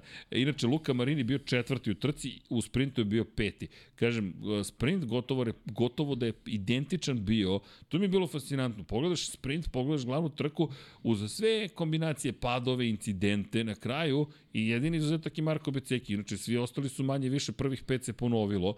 Luka Marini bio peti u sprintu, četvrti je bio u glavnoj trci. Peti je bio Brad Binder, ok, koji je bio kažnjen u sprintu, pa u glavnoj trci je bio peti. Ali Luka Marini, jedan kvalitetan, stabilan vikend, ne ništa gore, ništa dole, lepo odrađeno, čekamo još uvek, nije dovoljno. Zašto? Zato što opet ta priča. Marko Beceki, tvoj klubski kolega, ima dve pobede, ima zlatne medalje, ima svega tu. Gde si ti u celoj priči, to je, mislim, najveći, Da, najveći veliki, korak koji je veliki potreban. deo tih frustracija bi neutralisao podijum u Muđelu. Da. I sad Da. mislim da je sad, sad dodatno onako u minus fazi. Ej, Zato što za malo je nedostalo. Drvena medalja. Drvena Znači, medalja, ja, baš je... Da, uh. baš je onako... Ih. I, i tre, a, a, ali, da. ali kažem, zato, zato ja, ajde, mo, verujem da ne preterujem, taj osjećaj muđela, to je zaista posebno. Evo, Saxon Ring je rasprodat. Inače, inače, da, imam pitanja, dosta sam dobio na konto karata. Ne znam šta se ljudi trenutno dešava. Moja draga prijateljica, pozdrav za Sašku, je kupila kartu za T1 tribinu. Prebacili su je na T2 bez objašnjenja i samo rekli, izvinite, velika je gužva, ne možemo da ispuštemo vašu rezervaciju. Šta to zna, ali nećemo vam naplatiti što smo vas preselili sa T1 sa 2. Ma ne, diva, e, hvala ti. Da, e, kao, no prosti si ti Đura što te Downgrade, sve okej. da, da, kao da sve u redu, kao čekaj šta pričate ljudi, a onda me zovu i pitaju, ej Srki, neko nam je naplati, imamo, dobili smo ulaznice, ali mi smo platili 200 evra za 3 dana, 220 evra za 3 dana, a sad kad su stigle ulaznice, na ulaznicama piše da to košta 165 evra. Pa nas sad zanima ko nam je uzao ovu razliku u ceni, Dorna ili Honda gde izme. Tako da trenutno je onako vrlo zanimljivo. Idite na koncert. Bukvalno je kaže ne, a obavezno pišite, žalite se, ne dajte na sebe, pišite, pišite, pišite, pišite, molim vas pišite, zato što zaista nemojte da dozvolite da vas niko dovede u situaciju da se osjećate prevarenim. Dobili su ulaznice, ali opet piše 165 eura, naplaćeno 220. Nema objašnjenja gde su ove ostale ovih 55 eura, gde je nestalo u celoj priči. Samo je nestalo sa papira. Tako da vodite računa. Gde ste vi, gospodine, kupili ulaznice? Preko sajta? Dobro, nekog, da ne reklamiramo. MotoGP.com, eto, MotoGP.com. Piše, ta... Pa eto. Do, MotoGP.com to je jedino što možemo da preporučimo. Ako neko bude hteo da radi affiliate program, pa, Čujte, kad smo kod affiliate programa, budite naši sponzori tako što ćete kliknuti like, tako što ćete ići na patreon.com kroz Infinity Lighthouse, join, subscribe, shop.infinitylighthouse.com, bilo šta od toga pomaže i onda ova ekipa može da zadrži razvojni put jači od Ducatija. Deki, Lepo ka, si to rekao. Deki, Lepo si to rekao. A, lep sam, lep 76 sam to rekao. Znam da su United Colors of Benetton i znam da će možda da te potrese, ali, ali po, zbog Flavije smo razmišljali o tome. Ali lep 76 majice 2100 dinara još uvek, čekajte, 3 godine, dakle, cena se ne menja, shop.infinitylighthouse.com. Inflacija kod nas ne postoji. Mada je Paja juče rekao, kod, ko zna još koliko. Tako da iskoristite priliku. Ono još dve godine ima da traje otprilike, ali nema veze, dobro zvuči. Još malo pa nestalo, Nippon Dux, 4076 dinara. E, na ovo smo zaista ponosni, ovde me gledaju šta radiš. I vidi, i, i znaš šta možemo da uradimo? Donatorsko veče i da krenemo od ponoći Top Shop. I onda lepo ulaze modeli, izlaze modeli, kupite Dux, ko kupi Dux, dobit će zvezdice u našem članstvu, bit ćete top 5 i onda vas mi zovemo, kao moju mamu kad zovu.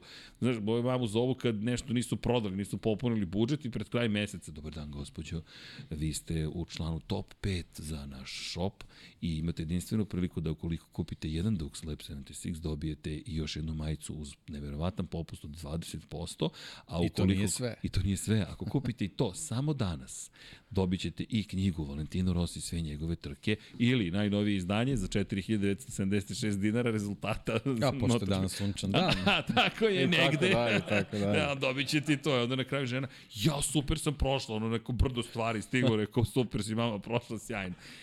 Da li da ih ofiram ili ne? Ja, znaš kad su mi kupili ćebe sa uzemljenjem visi žica sa, sa bakarnim kuglicom i ako gledam, pritom dosta su inteligentni ljudi, školovani, i ako gledam ono ćebence i vidi visi žica i stoji na parketu, rekao šta je ovo uzemljenje? Mm -hmm, dobro. A gde smo ga uzemljili? Ti srđani stalno komplikuješ stvari. Ali ona je srećna uzemljeni su, tako da pozdrav za moje uzemljene roditelje. Mnu, volim vas. Udrite mama i tata like. A, to, pa oni su me podizali, šta, ne, njihov sam proizvod. Verzija 7.6, oni 7.4, dakle sledeće godine 50 godina. Aj, joj. Ali dobro. Elem, Luka Marini, četvrti i to je to što ti kažeš drvena medalja, ali treba mu, treba mu pobeda mu treba. Nije a a Mugello i pobedničko postoji to bi bilo na nivou pobede. Da. Pa dobro je ono ako je nešto za utehu izgubio je od 3 trojke. Jeste. To Tako jeste. da eto možda možda je to bio presudan faktor na na ovoj stazi kad se kad se očistio taj asfalt i sve to možda ta 23 imate ta ta neka poboljšanja koje su ovog puta presudile. Pa i deki Plus imaš Zarka ispred sebe za kojeg znamo u finišu trke kako baš kako dobro. vozi tako da nije tu baš bilo mnogo prostora da da da da on nešto uradi u tom finišu. Ali Zarko je zanimljivo, rekao je, Zarko se oslonio na to da čeka da, da gume prorade u njegovu korist. I rekao je da je zapravo tokom veće trke bio impresioniran tempom koji su imali i Marini i Alex Marquez. Alex Marquez koji je napravio jednu malu grešku, rekao je da je pre, a pre bio ambiciozan u toj krivini. Čak kaže, nisam brže prošao nego u prethodnim krugovima, nego sam uže prošao pored teme na krivini, tu je neravnina. I kaže, samo jedna greška. Ali, opet, to je to, samo nešto se stalno pa, dešava. Pa bila je prethodna malo veća. Jeste, ali, e, to, to sam zaboravio. Znaš, onaj trenutak... ne slušam te šta pričaš. Znaš, ne, ne, ne, a znaš onaj moment kad sam rekao malo pre, uh, ne znam šta sam izgovorio, da, ali znam da sam hteo ti kažem upravo to, onaj prolaz između dvojice. Slušaj objašnjenje. Kaže, dobio sam dvostruku zavetrinu. I kaže... Kad su se kaže razdvojili, jedno, nema kočnice. Ne, ne radi, jer nema više, nema negativnog uzgona koji mu pritiska motocikl. I kaže, ja odjednom nema kočenja, jer ja sad više nemam, i kaže, srećom su se raz, razdvojili ovako, i u momentu kad su se razdvojili, Kaže, ja sam imao gde da prođem, jer on je zakačio motociklom desno koleno Luki Marinija.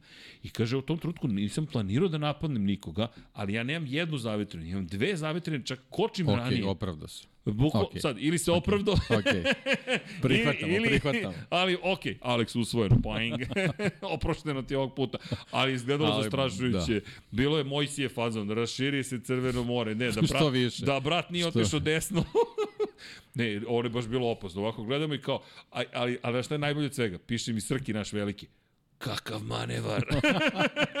a, ja, a mislim se Alex u grlo, šta sam uradio, ali nema veze. Ali super, samo prošao između i kaže imao sam sreće. Pričemu on izgubio poziciju. Dakle, on je pretekao dvojcu, ali onda se pojavljao jedan, drugi i Brad Binder koji kaže hvala, lepo, to mi je upravo trebalo. Baš je, ali bilo je trkanje, opet standardnim mođelo, svega je bilo i ta mala greška na kraju koja ga skupo koštala, i to koji, ironija u prvoj trci Binder. Ajde Binder, mnogi kažu nije trebalo da bude kažnjen Brad Binder za, onaj, za incident u prvoj, u, u sprintu. Ah, pa sad je, sad je pod lupom, svaki put nešto slično kad budu radio, a, a, stalno, može da je računa na drugi krug. Stalno ga kažnjavaju, sad Tako je već je. na spisku, Tako je to onaj što daj još jedan. A bilo je mnogo kazni u Moto trojkama, doći ćemo do njih, ali generalno lepo trkanje i bilo je, zadol... bilo je lepo Muđelo gledati iz te perspektive. Nije moglo baš sve da se prati. Kada kažem lepo trkanje, uvijek ima neka priča, uvijek ima nekih zanimljivosti, uvijek ima nešto što se događa u svemu ovome, ali je dosta odustajanja. Čak zapravo, hajde, odustajanja. Ne znam da li su odustajanja Rinsa i Mira, da li ih računam kao odustajanja, ali to su opet posledice svega što se događalo na, na ovoj ultra brzoj stazi. Idemo na nešto sporiju, ne nešto, mnogo sporiju stazu, ali mislim da će biti podjednako zahtevna i da ćemo zapravo opet sa pažnjom moći da posmatramo sprint. Ali pre nego što dođemo na taj deo uvoda, šta dalje i tako dalje, samo apropo sprinta u, u Muđelu. Nije bio toliko strašan koliko sam mislio. Iskreno mislio da će biti strašniji. Znaš kom je nedostaje u celu priču? KTM-ovi. Jack Miller pojavio se, nekako nestao, Brad Binder imao taj problem, bio kažnjen, Binder na kraju bio peti, pazi, to je dobar plasman, ali opet mislim da smo došli u fazu koju imamo sa Kvartararom i sa ostalima. Peto, šesto, više to nije dovoljno sad već morate da budete na pobedničkom postoju. Bez obzira na poene, ne kažem da im to neće pomoći sutra da budu visoko u šampionatu, ali prosto kada Miller ima dva pada gde se bori za vodeće pozicije, onda završiš peti, šesti, da je to ono što Marquez kaže, počneš da tražiš manje od sebe. Ok, završio si, ali...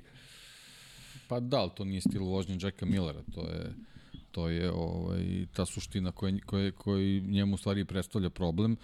Mm, jedino što imamo, ono što smo videli kod KTM-a i, i što je apsolutno sigurno, to to njihovo neverovatno ubrzanje tog motocikla i to moraju da počnu da koriste mnogo više ovaj, u, u nekoj taktičkoj vožnji, a ne, ne u tom čistom trkanju u kojem definitivno posebno Jack Miller izlazi kao poražen.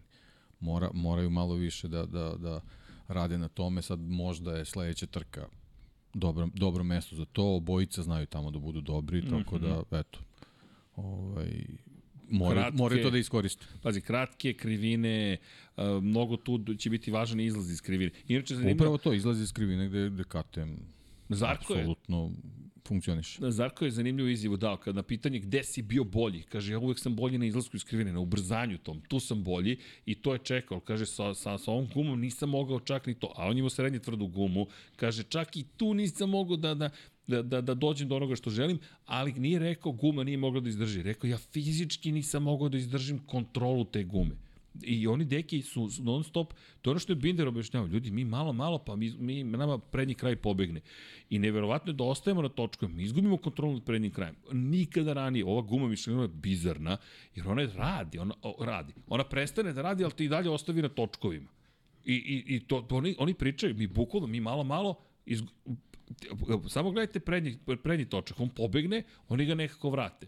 I, i to je očigledno vrlo zahtevno u cijeloj priči, ne samo psihički, nego te umarate. Pa dobri na stazi da ima dosta promena položaja, ima. Ne, a nemaš odmora, naravno, da, da kod nekog ovaj, ostavi danak ovde je vrlo otvoreno, Zarko rekao, ostavio ozbiljan danak. U svakom slučaju, kada pričamo eto o KTM-u, imam utisak kroz sve ovo što smo pričali, sofisticiran postaje Moto Grand Prix. Zaista postaje sofisticiran. Nije više, bam, idemo, trkanje, pun gas, pa da imamo ko ovde bolji, da se, da se razbrojimo. Ne, ne, ne, ne, ne gume, zavetrina, aerodinamika, koju si izabrao, gde ti je bolje, šta je prednost tvog motocikla, šta je mana tvog motocikla, kako to da anuliraš, kako u sprintu da naučiš šta te čeka i tako dalje i tako dalje. U svakom slučaju Muđelo, ne da nije razočarao, nego evo, nasmejani, moramo da zaključimo što se tiče Muđela, nasmejani navijači Francesca Benja. Čekaj, ni, u, ja sam postavio pitanje i ostavio pitanje i to stoji. Dobro, većina ljudi je odgovorila tačno, ali e, da pitamo navijače Francesca Banjaje, kako se osjećate danas navijači Francesca Banjaje? Pišite u komentarima, družite se. Ali e, kada pričamo o, o generalnom Muđelu, zaista mi je utisak na kraju bio, ok, to je bio Muđelo i to što se pojavila dama, zaboravio sam, Indira, ne sećam se kako se preziva, možete da gledate na Exitu, ko želi, to sam zapamtio, pošto sam istraživao malo, dakle, Goa Trans, Techno, ne znam tačno šta je, ne razumijem se dovoljno, ali ću reći isto što sam rekao i tokom prenosa, ljudi, uživajte u muzici, nemojte niko da vam govori šta vi treba da slušate ili ne treba da slušate, mi imamo muziku koju mi volimo, ali to je vaš izbor, vaš stil muzike, uživajte. Samo se zabavite lepo i to je pozitiva. I meni je to bilo super, iako sam bio skeptičan, šta će ti sad još DJ? Ne, jer, jer na kraju, kada se svi sklone s pobjedničkog postolja, nekako Pa šta da radim? Ništa, uzimaš gumu, uzimaš delove motocikla, pokušavaš da poneseš suvenir kući, otkineš deo asfalta, svašta ljudi ponesu kući, nemojte to da radite. Neki ponesu i delove, 150 metara, 100 metara, 50 metara, mada je to daleko tamo u prvoj krivini, ali znaš šta mi je palo pamet, sad sam se setio, Luka Marini Gde je bio Luka Marini na kraju trke? Ušao je u kućicu redarsku za signal za start i za kraj trke. Ne bili makar na trenutak ima osjećaj pobjedničkog postolja i bio sa publikom. To mi je neverovatno. On se popeo, pazi ti potrebu, ti si izašao iz svoje garaže, ušao u kućicu koja je za, sig, za signal, za, znaš i sam, dakle to je kućica koja je planski napravljena da ti možeš da vidiš startni poredak, daš signal i mašeš zastavom. Luka se tu popeo i mahao publici. Koliko je to jako. Da. I koliko je verovatno bio tužan što nije bio treći. To. Što može da, da ga samo nazadi sad u pripremi za ove, ove sledeće trke. Ne držimo zaista palče, mislim da je jedini lek tu sada mnogo dobar rezultat, ali mislim da je prošao taj trenutak, a, Muđelo, to je Muđelo, samo možeš čekaš Mizano i ne pocenjam značaj Mizana, samo Muđelo uvek sa sobom nosio jednu posebnu priču i to sad ima vezi sa konfiguracijom staze. Mizano je ravno, to je ovako pljosnato, jedno tacna. Kod lan. Kod lan, bukvalno, i ti, i ti ne možeš da vidiš, ti odeš na jednu tribinu i ti, šta se tamo dešava, nema pojma, nešto se čuje. Isto takav je jasen, Red Bull ring je drugačiji, e, Muđelo vam daje malo drugačiji uzgođaj, e onda izlete tamo negde gore na drugom budu, um, um, um, pa se spuste u voda, pa ih ti ih vidiš kako vi jugaju, pa se spremaju, pa Kod dolete. Diorama. E, bravo, da, ja. neki. ali, ali zato taj Muđelo je toliko važan u celoj priči. E, pa jeste, i to, to je nekako ti probuditi tu radost. A si išao do Firence, samo da pitam? Da, i do Firence, i do Fi... I Tavulje. Ne, ne, čekaj, čekaj. Ja pitam za grad koji je prestonica evropske kulture srednjeg veka. Odgovor je išao sam posle toga u Tavulju. Zašto tamo ima pizzerija? Okej. Šta ti utice Valentina Rosija? Ali tako i treba da bude, ljudi. I ta čuvena pizza s majonezom. Dakle, to voli da jede čovjek pizzu s majonezom. Okej. Apropo Pedra Koste i tih njegovih proslava, ali doći ćemo. Ej, samo moramo kratko da najavimo Saxon Ring MotoGP. Deki, idemo u kraljevstvo Marka Markeza. U kakvom god da je stanju, setimo se 2021. godine, s pola ruke čovek je odvezao za pobedu. Činjenica Honda je bilo u boljem stanju, ali nije baš bilo u nekom briljantnom stanju. Došao je i pobedio jedno od tri pobede te sezone za Marka Markeza. Texas je pokorio te godine, pokorio je Saxon Ring i pokorio je Mizanu, kada je Banjaja ispred njega pao. Od tog Mizana pobedu nema Nema ove godine plasman na pobedničko postolje, dakle ove tri trke u kojima je se, takmičio, dakle na početku sezone u Portimao je počeo trku, nije završio, odvezao je trku skoro do kraja, u Lemanu nije završio, nije završio sada ni, ni trku u Italiji. I zato sam je napisao predlog Ringišpil, jer stvarno Ringišpil, ne znam šta sad da očekujemo. Ajde, moramo da krenem. Da li je realno da mi sada očekujemo da će Mark Marquez, to je nemoguće pitanje, znam, ali moramo da ga postavimo. Jel, jel vidiš da u ovom stanju i kroz sve ovo je Mark Marquez i dalje predstavlja nekog koga treba pobediti u Nemačkoj? Pa, čisto sam ovaj, pokušao malo da protumačim izjave vozača, a, a počelo je sa, sa Eneom Bastianinijem, kojem je ovo bila trka, da kažemo, tog nekog konačnog povratka, od koje on nije nešto spektakularno očekivao i na kraju koji ispalo je super, apsolutno je zadovoljan tom poziciju na kojoj završio, mislim, deveti, e, osmi, deveti. Bio je Tako ispred nešto. Morbidelli, dakle deveti. Deveti, ovaj, i kao apsolutno je zadovoljan s tim. Šta je sledeća trka? E, sledeća trka je to i to. A, mislim da je dobro zato što staza nije fizički zahtevna. Tako da, uh, Sachsenring po, u, u, tom, u tom smislu verovatno nije tehnički, uh, fizički zahtevan ni za uh, uh, ovaj, Marka Markeza, što je apsolutno njegov veliki plus u ovom trenutku, pošto se radi o stazi koju on doktorirao, ali ovaj, uh, ograničavajući faktor u tom smislu bukvalno može da bude samo Honda. Ali Ako staza Leman... nije toliko fizički zahtevna, onda ne mora da znači da će biti toliko njemu generalno za, tehnički zahtevno za vožnju. Jer gledam Le Mans, poredim sa tim, Le Mans je isto kratka staza, uska staza, drugačije, tečniji je mnogo Saxon Ring, drugačije funkcionišu stvari, ali opet u sve pobjede koje je zabeležio. Ti kad pogledaš ne, velika nagrada Nemačke, inače e, ono što me raduje je da su rasprodate karte, dakle tamo inače se očekuje dobra atmosfera, to je nasledđe još istočne Nemačke, pa da, i, i tako da, dalje. Da, i to i plus u, na tom području nema mnogo trka generalno na tom nekom visokom nivou, tako da potpuno je okej okay da to bude raspredato. Pazi, i to je bogata istorijom staza. Od 1952. mi imamo trke u Nemačkoj i koliko god su i Nürburgring i Hockenheim i tako dalje igrali svoju ulogu, u jednom momentu je ova staza preuzela glavnu reč i vodi tu glavnu reč. I mi Saxon posećujemo baš dugo, sada već u 1998. Pazi, to je sada već dugo, wow. Ali, ali činjenica je da, da, da ima svoje ozbiljno mesto u celoj priči i apropo Marka Markeza, 2021. pobjeda, 2019. pobjede, 2020. se nije vozilo zbog COVID-a, 2018. pobjede, 2017. pobjede, 2016. pobjede, 2015. pobjede, 2014. pobjede, 2013. kada je debitovao pobjeda. Ljudi, nema samo pobjeda, pobjeda, pobjeda, pobjeda, pobjeda, pobjeda. I pritom, Mark Marquez još nije pobeđen u Nemačkoj. On prošle godine ovde samo nije vozio. Otišao je posle Muđela na operaciju u Ameriku i imali smo duel između Fabio Quartarara i Francesca Banjaje gde je Banjaja pao u prvoj krivini. To je nečuveni moment kada se čini da se Banjaja vraća u igru, kada sam pomislio to je to. Pada u Nemačkoj, kraj. Jer 25 poena uzima Fabio Quartararo, stiže Asen gde je Quartararo dobar, ko bi rekao da će Asen biti zapravo prekretnica, ali u suprotnom smeru, gde je Banjaja odvezio od svojih najboljih trka, Quartararo napravio grešku, posle dobio kaznu dugog kruga i tako dalje ali apropo Markeza, još ga niko nije pobedio u direktnom duelu na stazi u Nemačkoj. Zato krećemo od tog pitanja. I nije pitanje da li ja verujem ili ne verujem, nego ljudi bro, brojevi govore o, o, o tome. Pri čemu, ne samo to, nikoga na stazi nije pobedio, ako pričamo o pobedama, od 2009. ovde. Zato što je 2010. pobedio u 125 kubika, 2011. pobedio u Moto2 klasi, 2012. pobedio u Moto2 klasi. Svaki put kada je izašao na stazu, prethodne decenije Mark Marquez je pobedio u Nemačkoj. Ja se ne sećam takve dominacije na nekoj stazi bilo kog vozača kroz istoriju. Da ti nemaš poraz od 2009. godine u direktnim duelima. Dakle, 14 godina od kada je poslednji put nekog, neko bio ispred njega na kraju trke. To je fascinantan rezultat.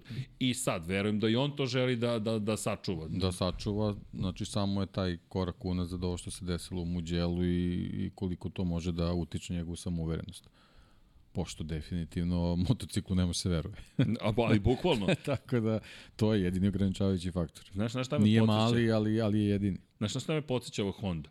Na Ducati. Nekada. Šta ćemo s prednjim krajem? Nemam pojma. Pa da li, Ducati nekada je bio snažan i jako brz, ali, ali nije imao prednji kraj. Tako. A ovo sad... Niti je snažan, ne, niti ne je brz, je, da. ne zna niko šta je. Da. Da, da.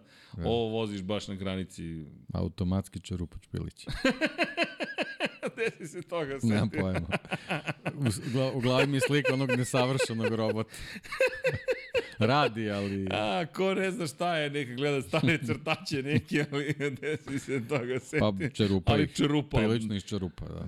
Ja želim brzo poravak i Joanu Miru i Aleksu Rinsu, pogotovo Rinsu. Mnogo mi je žao šta se desilo, ali Rins isto to, to je frapantno, deki.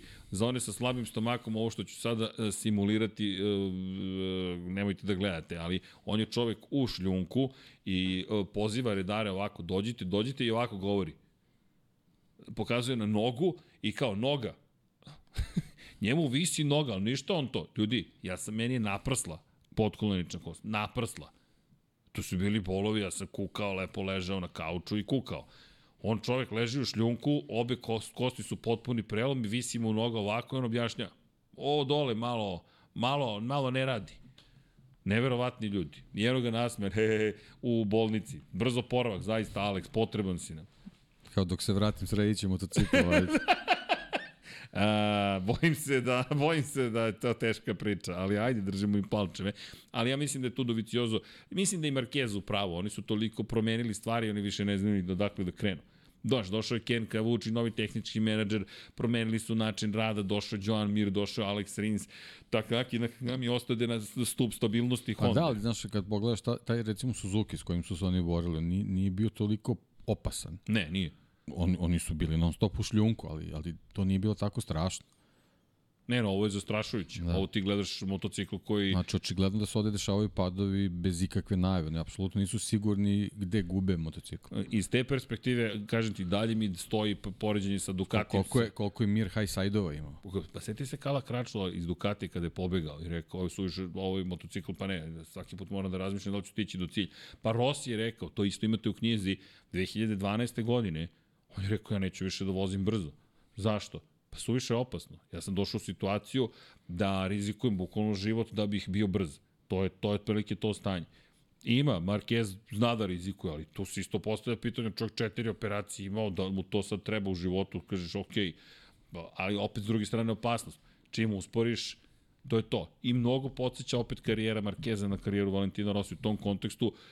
Sve čekaš, ma sad će, sad će da se pojavi, to ti je Rossi, to ti je Marquez, ma šta ti je, to su te legende. Ma evo samo što ni, evo sad će i neće. I neće. I mislim da ovo ogroman test zapravo za Marka Markeza. Kao što sam rekao, dro, dolazi on u Italiju da napadne italijansku tvrđavu, e sada dolaze kod njega u njegovo kraljevstvo, da kažu čekaj, da vidimo mi, šta kažeš, nisi pobeđen ovde 2009. Mislim da će njima motiv biti ogroman. I Banja i ma svakome ko je tamo izašao. Nema, svi su, svi su u jednom momentu jurili za tim istim čovekom. Sada ne jure za njime, ali ako ti se ukazuje prilika da ga pobediš na njegovom terenu, moraš da iskoristiš.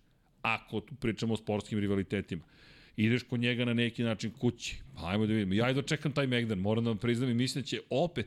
Znaš šta čekaj? Ej, deki, čekaj, čekaj. Dejan, drago mi je. Srđan, drago mi je. Uh, srđ, uh, kako si me nazvao? Srđa. Sr, srđa.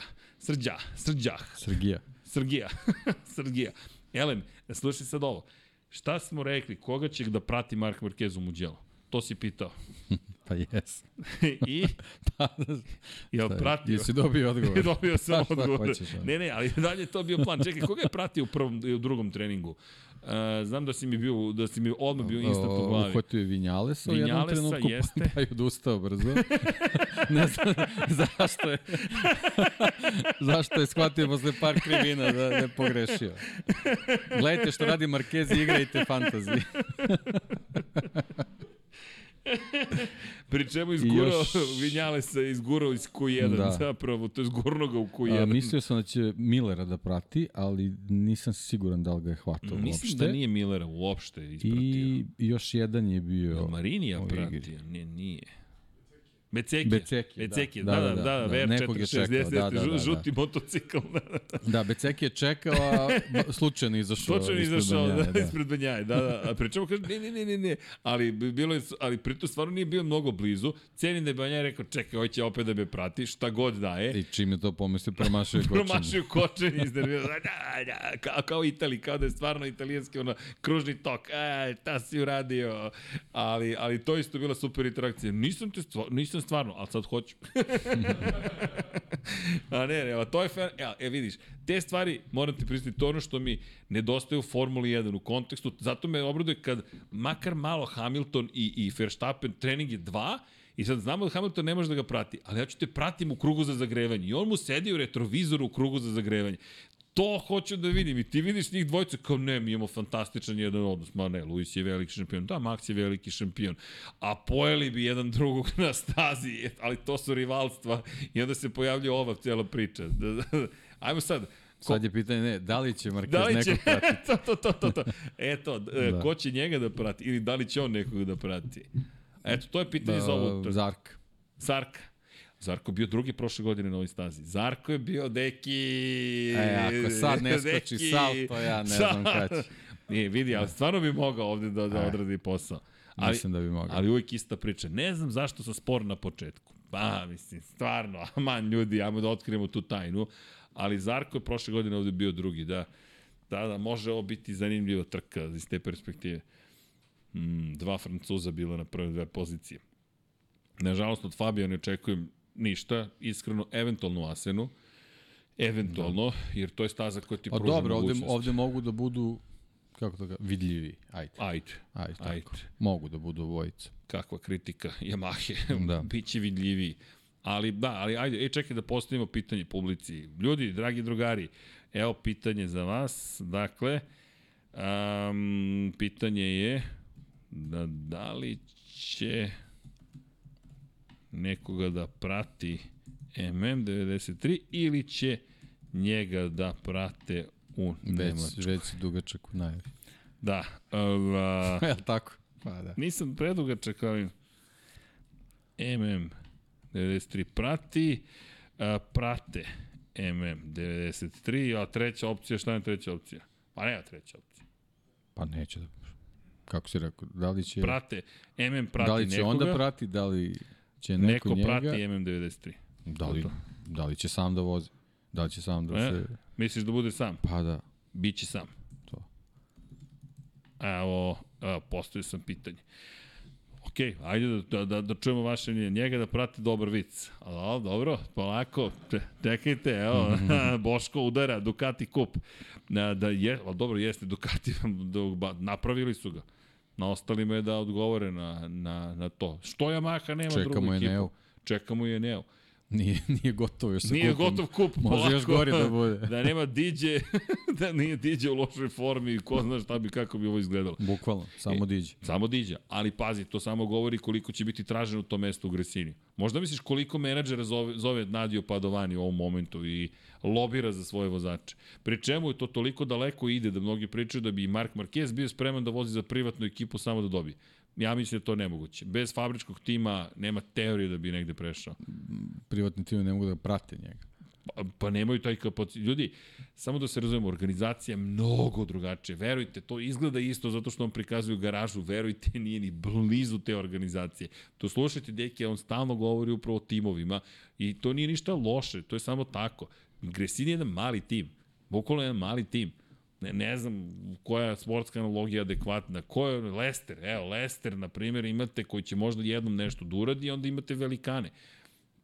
Neću da spomenu neke gradove, vidi, vidi kako sam se učutao, vidi kako sam se neki učutao, a kako sam, samo sam stao na trenutak, nisam spomenuo nikoga, ništa, ne, ne postoje.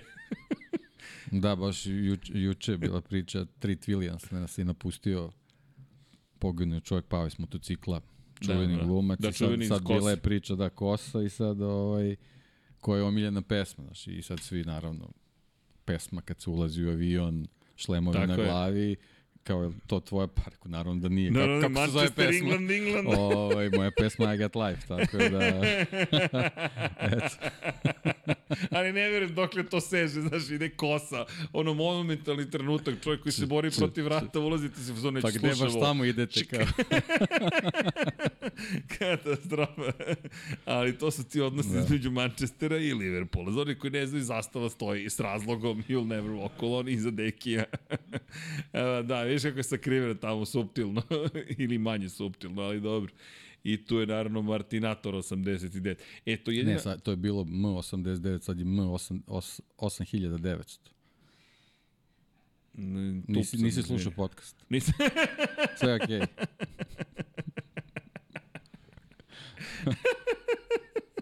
E, da, dobro. Zaostajem, zaostajem deki, to je, srđa nije u formi, Pa srđa nisi, nisi. nije u Slabo formi, bodova. Slabo, slabo, ali dobro. a, a dobro, ali lepo se zabavljamo, ako ništa drugo. M90 prati Nemkoga. Nemkoga. dobro, to kucanje, taj pod, ali nema laži, nema Ne, ne, prevere. sve Sve, Hvala ti, deki. Ovo je bio Mortal Kombat moment. Je li tu Mortal Kombat naš uh, pratilac? Uh, Mark Marquez završava u KTM-u. Nije, nije nemoguće. Evo Stevie G ti se javlja odmah. odmah se javlja Stevie G, naravno, tvoj čovjek. A način mi samo, ali to zaista ništa loše. Ja ljudi u futbol zaista ne, ne, ne petljam se, niti se razumem, niti šta. Ali samo LFC-ovci se potpisuju i kao donatori, samo ima LFC, LFC, LFC, LFC. Čekaj, šta je ovo? Ali dobro. Elem, apropo Saxon... Fenway grupa. apropo, apropo Saxon Ringa, mora priča kreće, da krene odatle. S tim što ja zaista, kada pričamo o Banjanj, mislim da on ima ovde više, više motiva. Jedan motiv je pao sam prošle godine ovde, nije pokorena staza.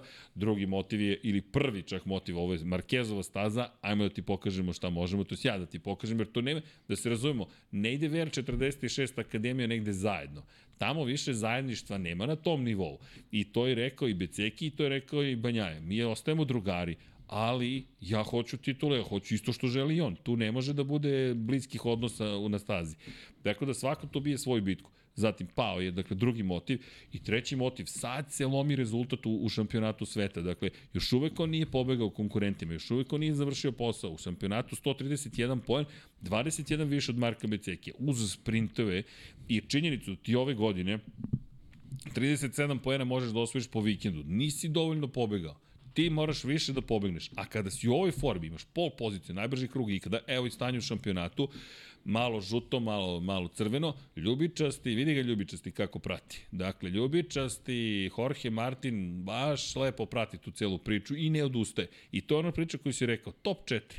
Tako da mišljenje sam da će za Banjaja da uradi sve što je moguće da ovde ima triling pobjeda. Da je to plan za, za, Pa, za, za ovaj deo sezona. Sachsenring nije uopšte staza gde je on hendikepiran. Nije.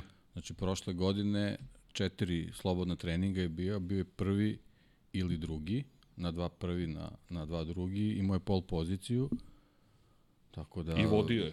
I vodio je. I vodio je. Ok, napravio je grešku, ali je osvojio titulu uprkos toj grešci. Tako da ovde mislim da, da, da, da ide ka tome, ajmo da očistimo ovo. Da, da, da, ovo, da, da mi pripadne ova pobeda. Tako isto mislim da će za Le Mans sledeće godine biti tekako rešen. Zašto? Pa prošle godine izleteo sam, ove godine incident sa Vinjalesom i da će mu biti zapravo potrebno, ali to je naredna godina.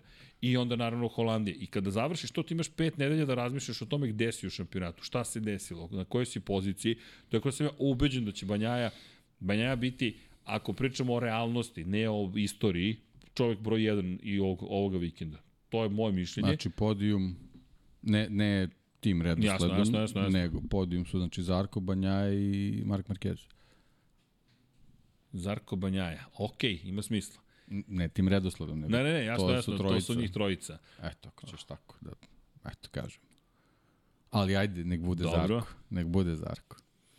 Dakle, idemo na pobedu Mada, Zarka. Ako pobedi teško. Zarko, Marquez neće završiti trku. Pa, ne, da. ne uklapa se to, ne, ne, može tako. Teško, Ne teško. može tako, da. Da voleo bih Zarko da zabeleži Da. pobedu, ali znaš gde će Zarko da pobedi? U Barceloni.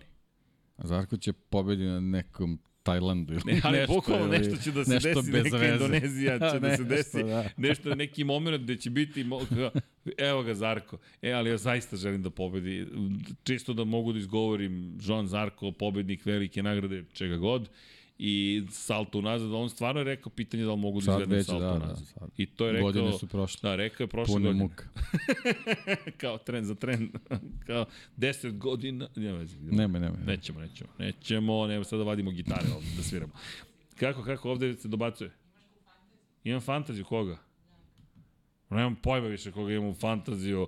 Hteo sam Jacka Millera da stavim u fantaziju, srećom nisam to učinio. Ali evo, kad pitate o fantaziju, deki, koji su u fantaziju? Ovde još O, mogu ne, da... ja te- sam prošlo kolo dosta pao zato što sam zaboravio da promenim uh, Oliviru i koga beše još? Ko mi je ostao još povređen u ekipi? Mhm. Ne, ne. ne. Mhm, mhm.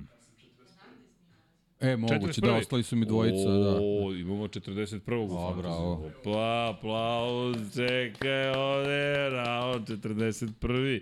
Smemo da te posle do, do autogram, e, moraš da zidicam šampiona, Da. a, potpis mora da padne. E, čekaj, ja imam Marinija, Becekija, Markeza, Aleksa i Augusta Fernandeza, i Ducati i Aprilija. Pa dobro, hajde, nije tako loše. Mada sam, imam po tonu. Ja imam Banjaju, Dobro? Ne, Banja. Maverika Vinjalesa. da, da, pa to je bilo, to je, to je meni problem bio Le Mans. Le Mans, Banjaja, Vinjales i onda sam imao dvojicu vozača povređenih, eh, Oliviru i Raula. Raul je bio na operaciji i tu sam pao nekih 200 pozicija i sad sam tavorim na 400. mestu, 400 to. a bio sam 200. Ja sam Jedna trka ti 428. upropasti sve. Da, i meni, meni isto upropastila sve. Jedna trka mi je sve upropastila. Inače, tim, opa, 189. koji igrici iz prodaje, bravo. Uh, Team Music 9 nam je vodeći u uh, šampionatu Lab 76 sa 979,5 poena, ali potrošio je sva tri boosta. Vladim, vladar GP Team je na poziciji 2.960 bodova, ostao mu je još jedan boost. Stenemed Racing 947,5, dva boosta su ostalo 3. Evil Eddie, Evil Eddie je na, ne, to Iron Maiden možda, ima jedan boost preostali, 946 pojena, Krle 80, da, 939,25, peto mesto, Dva busta ima, Tamburica je šesta, 938,5, još jedan boost na raspolaganju, Redding 45, opa, navijači Scotta Reddinga, lepo, lepo, 938 pojena, još jedan boost, Jug Bogdan drugi, ok, 931,25 pojena, druga ima još dva busta, Dovla je na poziciji 9, 923, dva busta su ostala, Hajduci uskoci, opa, Hajduci uskoci, tu su među vodećih 10, ali bez boostova, pa onda idu ostatak, onda ide ostatak sveta. Dobro, ajde vidjet ćemo da, kako će se sve ovo odigrati. Ja imam još tri boosta, pa možda mi to negde i pomogne. Ali da vidimo ekipa, da li će se menjati. Da li ćemo menjati ekipu? Znaš šta, možda je došao taj trenutak da se osvoji titula. Mislim da ćemo to da... mislim, da, mislim da znam šta ću da uradim, ali to ne smijem da vam kažem da bih vas pobedio. Ok, jel ubacujemo Markeza u fantaziji ili ne? Ja neću sigurno. Neću da menja, verovatno. Toto ti ko Paja. Pa da. Pa ima McLaren u Formuli 1 i drži se McLaren. E, vidi, i Leclerc se drži. Pa je rešio, ili, ili, ili titula, ili, ne, nema između, dakle, Samo, pa da, to čovjek navio za partizan, samo crno-belo, dakle. Jo, Olivira ima veću cenu nego Maverick Vinales. Da, inače, to sam te ti kažem, Marko Beceki je trenutno m, cena za, za Zarka je veća nego za Beceki ili za Jorge Martina. Brad Binder košta više od svih njih, 3,2 miliona. Zanimljivo. Inače, za Marka Markeza Bagatela 2,7 miliona. Bukvalno. Dakle, vidi ga Maverick. Maverick košta samo 1,7 miliona. E, si vidio novi rating za Formulu 1 vozače? Bolje da ne vidiš. Loše izgleda. Elem, Saxon ljudi, da se vratimo mi tamo. Dakle, Banjaja nam je broj 1. Što se mene tiče, to je čovek koga treba gledati ovoga vikenda. Sada već mislim da dolazimo u stabilniji moment. Mislim da su naučili sprintove kako da upravljaju sprint trkama, kako da izbjegnu nevolje koliko je to moguće naravno i kako da sprint iskoriste za pripremu za trku. To je moj utisak makar i to se vidi, rekao bih, i iskustvo pa i da umeće ipak je to umeće i naravno ekipe koliko su ozbiljne u svemu tome. Pramak počinje polako da dolazi do izražaja. E, slažem se s tobom da treba Pramakovce gledati. Nisam siguran da li Martin može da izdrži treći vikend za redom da bude ovoliko dobar držimo palčeve, bilo bi super, pogotovo iz perspektive šampionata, ako može da prati Beca i, i Banjaju i mislim da će Bec da uzvrati ovde udarac. Od Be, inače, od Beceki očekujem da se bori za pobedu u Asenu. Jedna od tri njegove omiljene staze Asen. Dakle, uz ostrovo Filip, Asen, Muđelo, zato je iznenađenje Muđelo, da, da je, da je bio toliko loš. Mislim da u Asenu ide popravni za Saxon nisam 100% siguran gde, gde tu da ga vidimo u celoj priči. I znaš šta, mislim da KTM-ović ovde, da si ti u pravu kada reči o ubrzanju KTM i generalno onome što donosi Saxon mislim da i Miller i Brad Binder tu i tekako mogu biti opasni. Naravno, opet ista priča problem je, to je ono što je fenomenalno kod Banjaje, što je u svim aspektima dobar. Dakle, u svim aspektima, kod KTM-ova uvek nešto fali. Ili nisu uradili kvalifikacije, ili loš start, ili u trci greška pa dobiju kaznu, ili nešto, uvek je neko ali. Ili padnem jer sam hteo previše prerano, tako da tu ima još posla. Jel misliš da je vreme Alex Marquez možda da nešto uradi uzbiljnije? Pa, na šta njemu je vreme čitave godine, ali malo sreća, malo neki drugi elementi, tako da on, on, on je u svakoj trci u igri. Ali sad, da li, da li je ova staza baš Evo, pazi ovo. staza za njega, ne znam. Ali slušaj, pobednik je u nižim kategorijama. Augusto Fernandez prošle godine, Izan Guevara, ok, Guevara trenutno u moto pa, dvojkama, to je nešto drugo, Remy Gardner nije više tu, Pedro Costa pobedio pre dve godine ovde, Alex Marquez je pobedio u Moto dvojkama 2019. Brad Binder 2018. Franco Morbidelli 2017. Joan Zarko 2016. Jorge Martin je pobedio inače u, u Moto trojkama, kao i Joan Mir na ovoj stazi. Jack Miller je pobedio 2014. ovde. Nažalost, nema Aleksa Rinsa koji je pobedio 2013. Tako da, kada pričamo o vozačima koji su nam trenutno u Moto Grand Prix kategoriji, dodat ćemo i Kvartarara koji je prošle godine slavio u kraljevskoj klasi, znaju da pobeđuju na, na ovom mestu. Tako da, bit će ovo jedna zanimljiva trka. Inače, ovo je ultra kratka staza, na one koje zanima, eventualno, Sama staza Saxoning je u, u, u, je najkraća na, na celom kalendaru. Međutim, ono što je meni fascinantno kod, kod Saxoninga jeste upravo to što mi pričamo o stazi koja je poput karting staze. 10 krivina je u levo. 10 krivina od 13 je u levo. Samo imate 3 u desno, pri čemu te u desno su prva krivina koja je prva od 11. krivine. Inače, 11. je ulazak na vodopad, idete dole niz brdo, pa brza leva 12. pa brza leva 13. koja vas izvodi na uspon gore na startnu cini pravac i onda idete ka krivini broj 1 koja je na nizbrdici. I onda idete to skretanju desno, onda idete u levo i imate krivinu broj 3 tamo pored onog brežuljka koja je u desno i onda u levo četvrta, peta, šesta, sedma, osma, deveta, deseta. Vi pravite ceo jedan ovako krug dok dođete do tog čuvenog vodopada, ako se to uopšte smatra krivinom, tu se mnogo pada, ohladi se ta desna strana pneumatika, i veliku brzinu zahteva da biste imali što veću brzinu dole kada dođete do kompresije, do, do, do, do dna brda, tako da je zahtevna staza 3670 metara dugačka. Baš je on, pokit. Džepna staza, a preko 100.000 ljudi očekujemo na dan trke tamo da dođe. I tamo se kampuje, jer nije blizu Drezdena. Drezden je orijentir manje više, vi ste u šumi zapravo i fenomenalna je atmosfera, ali to je neka isto atmosfera koja slična Le Manu i Muđelu, a samo Muđelo, ja se nadam sledeće godine će još da smanji cene karata da bi danima tamo ljudi bili, jer Muđelo kada je pun, to se kampuje. E, u Nemačkoj to je zaista kamp. Kamp, to su kobasice, pivo, klopa, roštilji, haos i tako dalje. Sve se puši tamo oko šume i odete i uživate i baš je za uživanje i to je mesto bogate istorije, staza koja inače išla u suprotnom smeru, dakle ono što nije planirano da se tako vozi, ona se vozila, krug nije bio u, u levo, nego krug je bio u desno i taj spust je bio zapravo uspon. Peli su se gore i skretali u levo, ali su to promenili i napravili su ovo što su napravili nadam se da neće pričati o tome da će promeniti stazu jer je fenomenalna, takva upravo kakva jeste. Inače, najduži pravac 700 metara, što nas opet dovodi do toga da možda taj KT može, nije da će neko ugroziti sad Ducati odjednom, nego samo da možda se još nekom otvori neka prilika. I naravno ta priča o, o, o Marku Markezu šta li može tamo. Nemam pojma. Inače, prošle godine na poziciji broj 3 u trci imao, je zauzeo Jack Miller. Na Ducatiju. Samo da napomenemo, da ne zaboravimo da je tad bio na Ducatiju. Inače, najuspešniji ikada na ovoj stazi, Mark Marquez, čudno bi čuda, sa 8 pobjeda, Giacomo Agostini 6, Giacomo je svugde i Valentino Rossi imao 4 pobjede na ovom mestu. Eto, kratka mala istorija velike nagrade Nemačke. Ali ako govorimo o Saxon Ringu, ne govorimo o velikoj nagradi Nemačke, Giacomo je slavio je 13 puta na velikoj nagradi Nemačke, Marquez 11 kada posmatramo sve kategorije, Carlo Ubiali i Angel Nieto po 8 puta i Valentino Rossi Dani Pedrosa po 6 triumfa.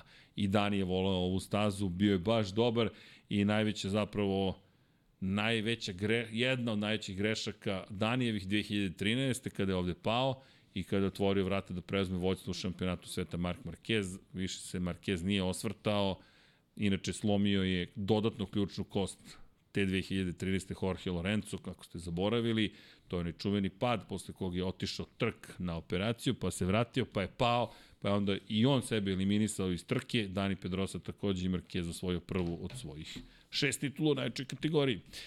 E, Deki, mm, imamo nešto da dodamo za za Saxon. U, čekaj. Pa da dodamo uslovi. to. to. Čekaj, čekaj, čekaj. Suviše, e, e sad treba otkucati. A, mm -hmm. Saxon Ring, dobro. Samo što mi ne izbacuje ništa. Na, onda, tako ćemo morati na Dresden da idemo. Nema šanse. Dobro, ajde da vidimo. Dresden, šta će da mi izbaci? Pa, tu i tamo neka kišica, ali ajmo da probamo na nekom drugom vremenskom servisu. Aha, petak, četvrtak, petak, subota, kiša, u nedelju će biti bolje. To makar kaže weather.com. Eto. Šemnica. Da. Može i na Šemnic. Da, ovo je baš izbacio Saxon Ring. Kaže, imaju za to.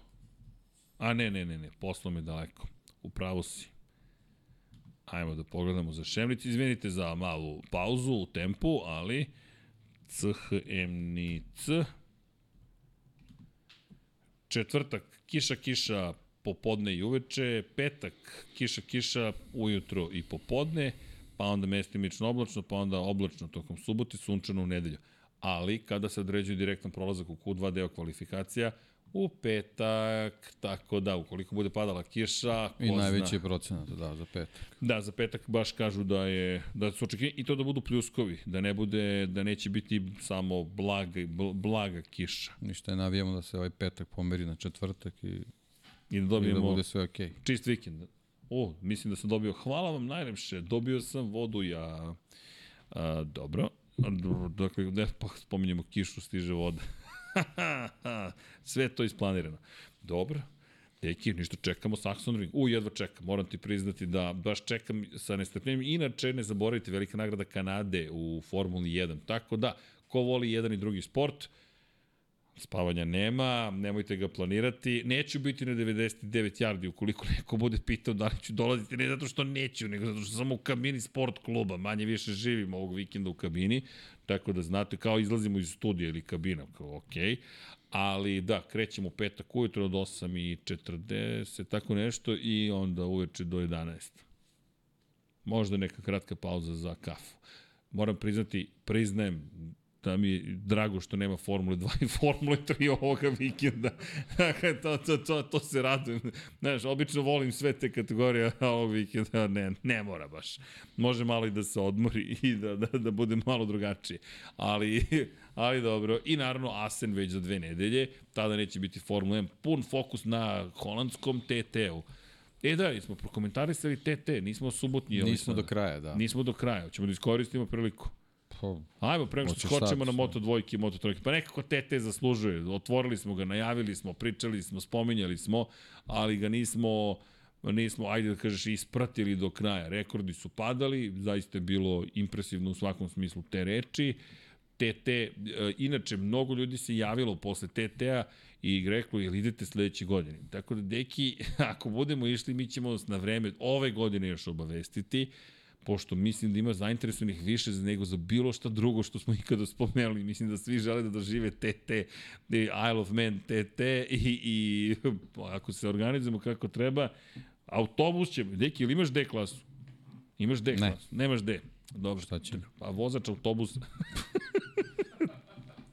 ceo autobus da vozimo. Dakle, ja, neka se javi neko sa D klasom, možda imamo neko putešestvije do Douglasa na ostrvo Men. Toliko ljudi se javilo. E, to bi bilo. I gledate Žikinu dinastiju uspod. To je obavezno. dakle, to mora da se iskoristi.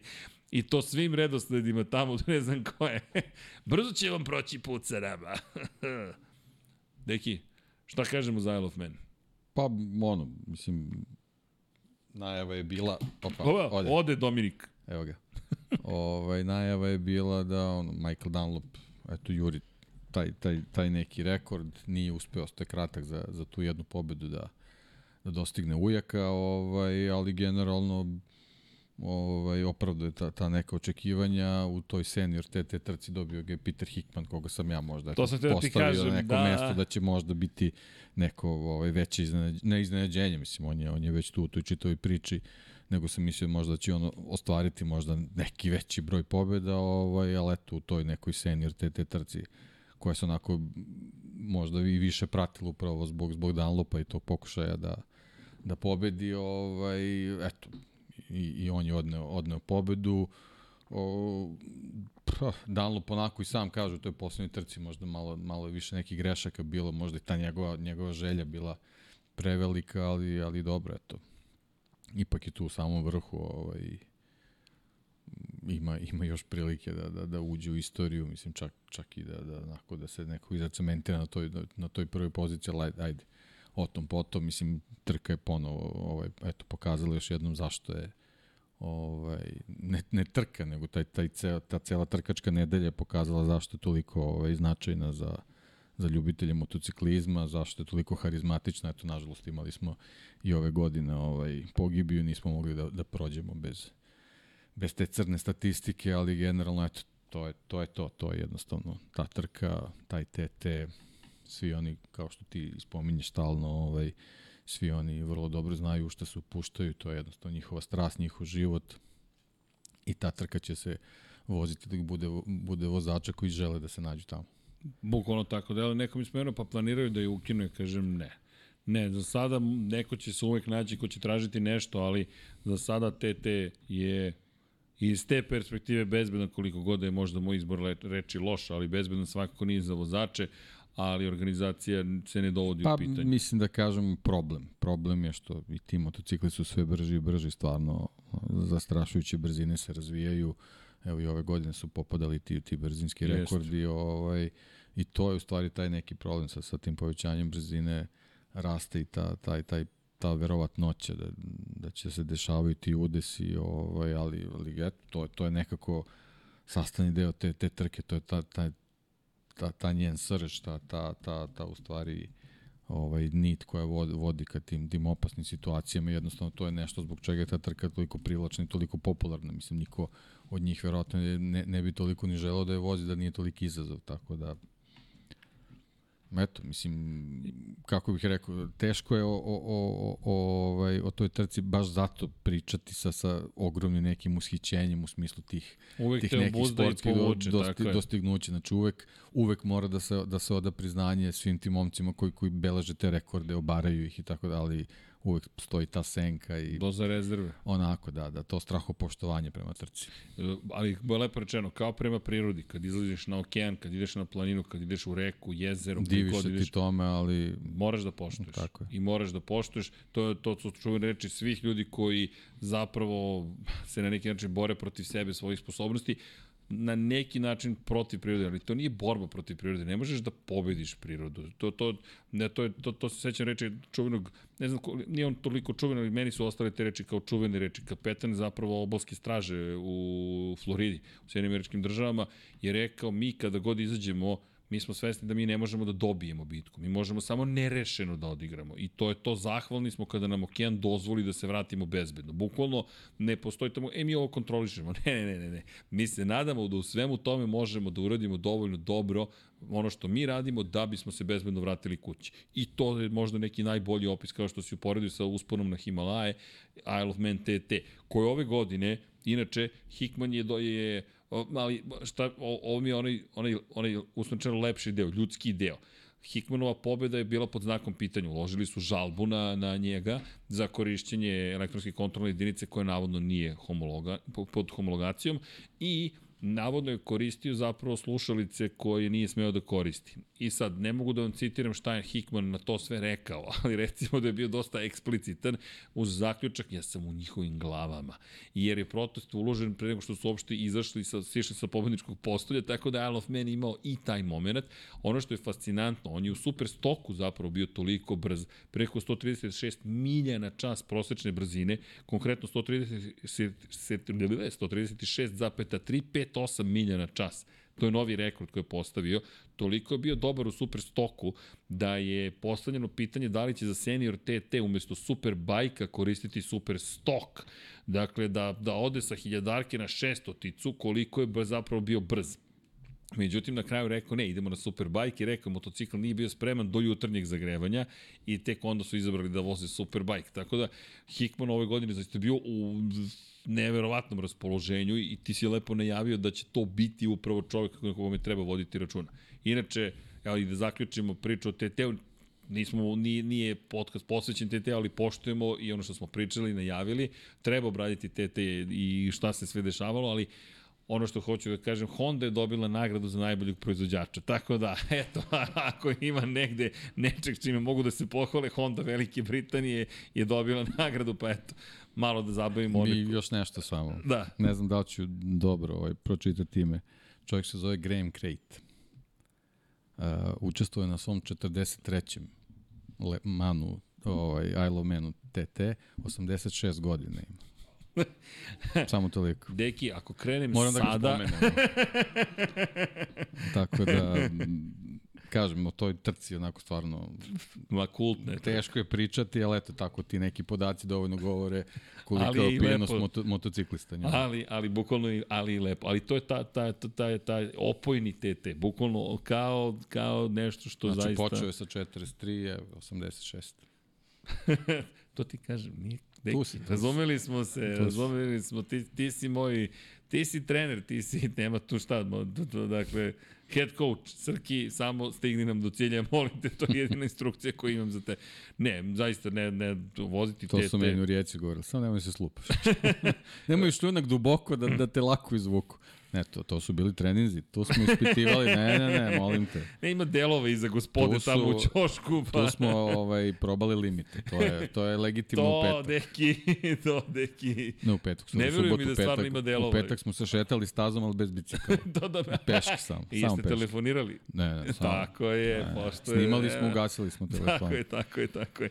Inače, ima tamo iza, ima, imate To je subota. delove, ali Nedelja to je priprema. bila perfektna. Tako je. Bila je jedna pirueta, ali dobro. Svako ima Izvini, i... Počela je kiša. Izvini, ko na Lemanu nije imao piruetu. I čak i pobednički Lakše automobil. mi je kad sam gledao Leman. to su trke izdržljivosti. Da. e, Srki, da li neko od osam vozača bez ugovora potpisao ugovor za 2024. u Muđelu se to uglavnom rešava? Nema ništa, to još nije, još nije počeo rasplet veliki ko će gde, s kim će, kako će i zašto će. Tako da to sa nestrpljenjem čekamo. Bojkotujemo tu priču, pošto traje šampionat. Nećemo to. Tako je, ali slušaj sad ovo. MM93 prati Nemkoga, 58 odsto, neko prati MM93 19, bit će sam MM93 23 odsto, 133 znači, glasa. prati Zarka. Da, okej, okay, eto, deki, pratit ćemo. Pa dobro, možda će. Banjaju, pošto kažem, on je prošle godine ovaj, bio, bio opet, da kažemo, dominantniji ovaj, uz, uz kvartarara, tako da moguće da će, Zar, Zar, o, da će Banjaja ponovo biti meta. Um, kada govorimo o, o ajde, Ako metama... bude pratio Zarka, Zarko pobeđuje. Stavljajte Zarko Fantazija, lepo mi je rekao. Skup, deki. skup Zarko. Skup Zarko, Skup 3,2. Ništa, morat će se je, žrtvuje. Teško je da se uklopi, da. Ja nemam mnogo... Ma ja neću da menjam, ne ostavljam. Sve isto. Na zabavno je, Deki. Ma čak i Vinjales. Da. Tako je, Deki. I vidi, kad tad će ti se to isplatiti? Kad tad.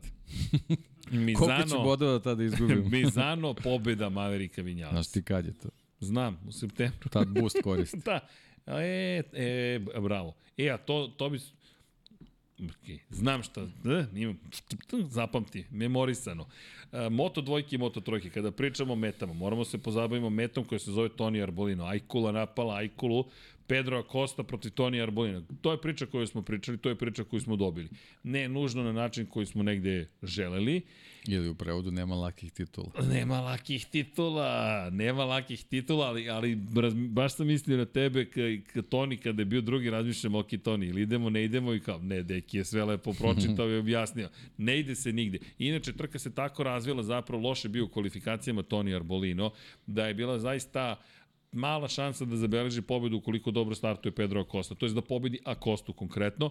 Najprijatnije iznenađenje vikenda mogao je, mogao je biti Sam Lowe's, ali trkanje je to. Alonso Lopez... E, to je trkanje, to je Alonso Lopez. Tako je, ali Alonso Lopez, za kog nekom je kritikao, kaže, a, nisi ovoliko tako ga ukritikovao Marka Markeza. Nije tačno. Vratite se u 2012. godinu i poslušajte 11. moje kritike upućene Markezu dok je bio u Moto dvojkama, pogotovo u Moto dvojkama, pogotovo kada je uleteo u Rata Parka Viljarota na, na trci u Australiji kada je po crvenim zastavama vozio punom brzinom. To je za mene jedan od najstrašnijih incidenata koje sam video, gde je Rata Park Viljarot crvene zastave istaknuto vozika, bukvalno Ostrovom Filip i Marquez koji trenira i dalje i, i naleće na čoveka. Tako da niste samo pratili dovoljno dugo šta sve radim, ali niste u mojim godinama. A Jokiću pozdrav, jedan Jokić mikro, Jokić Mike. ali činjenica je da, da je Alonso Lopez, pazi, počinje krug za zagrevanje i, i pričamo upravo o tome, taj, ti momenti njegovih nekih poteza koji su potpuno nepotrebni i on napada, neko je rekao, pa nije zaslužio kaznu ne može da je ne zasluži za ono. Uleteo je u čoveka, dakle on se odbio manje više od Sema Lousa. Da nije bilo Sema Lousa, ne znam kako bi izveo taj da. manevar. Ono je baš velika greška. I sad greška. A prave utičeš, trke nisu igrice. Tako je. I ti sad ideš na Sema Lousa, da. utičeš na njegovu trku. Ja, nikad, ja se ne sećam da je neko, osim nažalost Tita Rabata kada je slomio butnu kost, toliko jako vrištao da je kamera koja je pokraj staze pokupila zvuk vozača. Sam Lowe's je toliko urlao da smo mi mogli na tu kameru da čujemo zapravo, taj mikrofon ambientalni, da čujemo koliko je besan. I onda sebe Alonso Lopez takođe kažnjava. S druge strane, Pedro Acosta kaže, hvala. Dva ključna rivala za pobedu u tom momentu su eliminisana. On je na stazi na je pobedio prvi put u karijeri u Moto2 klasi, ide svojim putem, a Toni polako, jedno po jedno, jedno po jedno do, do vrednih poena. Nismo dobili nužno taj duel, ali priča se nastavlja između njih dvojice. I dobro je u šampionatu, to je ta neizvesnost koja nam je negde, moje mišljenje, potrebno da, da, da nam bude da, zabavno. Pedro Costa se dobro osjeća na tim trkačkim stazama, to je, to je, to je evidentno. I eto, sa druge strane imamo Arbolina koja, koja ta cela situacija na stazi mu je doprinala da, da se i on onako uh, da bude što sigurniji kako, kako trka odmiče, što njemu u ovom trenutku potpuno odgovara i mislim da da ovaj imamo tu tu borbu koju generalno nismo očekivali, ali je lepo što smo je dobili. I ono što je super, evo, mogli smo da vidimo grafikon, dakle, do Pedro Acosta malo gore dole, ravno ide Toni Arbolino. Skuplja poene. Toni i dalje čovjek koji je završio sve trke, nema plasman ispod četvrte pozicije. Treći, prvi, drugi, četvrti, prvi, drugi. Inače, njih dvojica treći put ove sezone u šest trka zajedno su na pobjedničkom postolju. Tri pobjede za Pedra Acostu, dve pobjede za Toni Arbolina. Kada je pobedio Arbolino, bio je na poziciji broj 12 i odustao, zanimljivo, kada pobeđuje Arbolino nisu zajedno, ali kada pobedi Pedro Acosta, Arbolino je tu što negde govori o, možda o pristupu koji imaju i u ovom momentu prednost jeste na strani Toni Arbolina, 119 pojena, 20 pojena ispred Pedra Koste. I dalje je to lepa prednost, ali smo videli, nema, nemaš mogućnost da se opustiš i dobar odgovor Pedra Koste na celu priču iz prethodne trke, Ono što je meni zanimljivo bilo njegov menadžer koji je rekao da žele da sklone Pedra Kostu zapravo iz, zanima me tvoj komentar na to, da žele da ga sklone zapravo iz padoka, s obzirom na činjenicu da to loše utiče u ovom trenutku na njega, previše se priča o njegovoj sudbini, o tome gde pa će on zapravo biti. To me podsjeća na, na, na situaciju koju smo imali 2006 sa Lewisom Hamilton, Hamiltonom kada ga je Ron Dennis praktično sklonio ovaj, iz, iz te čitave priče, on je tad bio u GP2 da. se tako zvalo, GP, Jeste, GP2, GP2, GP2 šampionat, ovaj, uveliko se pričalo kako je to nova buduća zvezda Formula 1, McLaren već premio mesto za njega i tako dalje i tako dalje. On je trebao da osvoji titulu u GP2 šampionatu i tu su počele ne, neke onako problematične vožnje i Ron Dennis u tom trenutku odlučio da mu zabrani ovaj, da daje izjave i praktično ga je sklonio iz te priče kako bi se koncentrisao na, na završetak sezone u GP2 i praktično ga pri, pri, pri, pripremio da sledeće godine debituje u Formuli 1. Tako da ovo me posjeća otprilike na tu neku priču da se tu pojavi neki momak koji je već superstar iako se nije ni pojavio na, na, na velikoj sceni i moguće eto da, da su ti ljudi u njegovom okruženju možda primetili neke, neke nesigurnosti koje se možda i, i ogledaju u ovom trenutnom E, plasmanu, pošto mi smo na početku sezone govorili da bi ovo trebalo da bude apsolutno sezona Pedra Kosti, da on sad treba možda već da vodi sa, sa nekom ubedljivijom prednosti u, u ovaj generalnom plasmanu, on ne, on ne da ne vodi, nego nije, nije prvi. Nije, ne, ne, ne da ne vodi ubedljivo, nego čak nije ni prvi na, na tabeli, tako da, da moguće da, da, da se tu nešto da su tu nešto primetili iz te perspektive, to mi je apsolutno opravdano.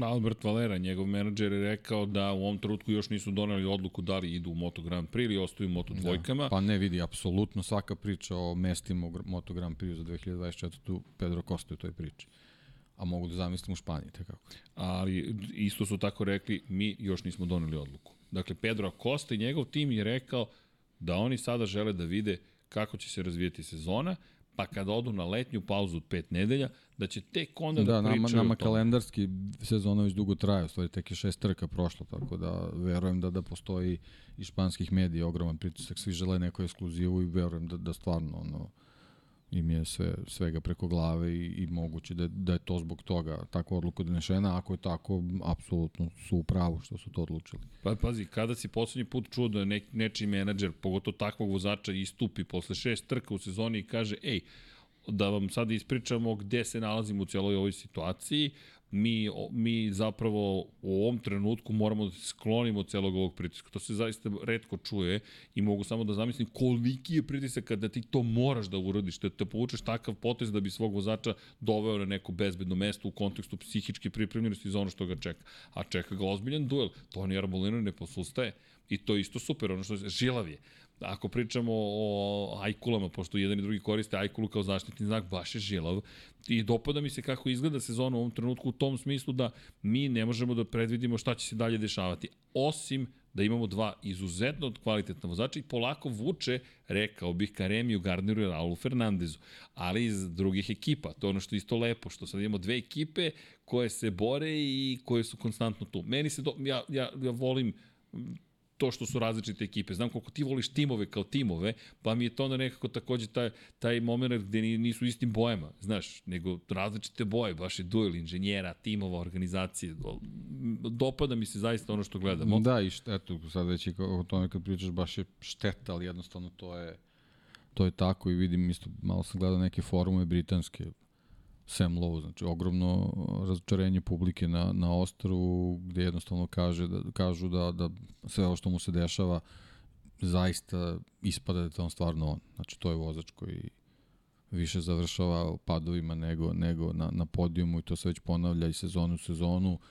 Postoje krivci zašto se to dešava, ali očigledno da, da dosta krivice ima u njemu i eto, šteta je da ponovo je došla još jedna sezona gde on isto mogo da bude u borbi za titul, jer pokazuje iz trke u trku da, da, da, da, da taj talent postoji, ali nažalost to je, to je samo na mahove, a to nije, nije dovoljno da, da se nađe tu i ovaj, vidim da, da tamo već ima dosta onako prognoza koje su utemeljeni u nekim saznanjima da, da je put ka svetskom superbajku očigledan.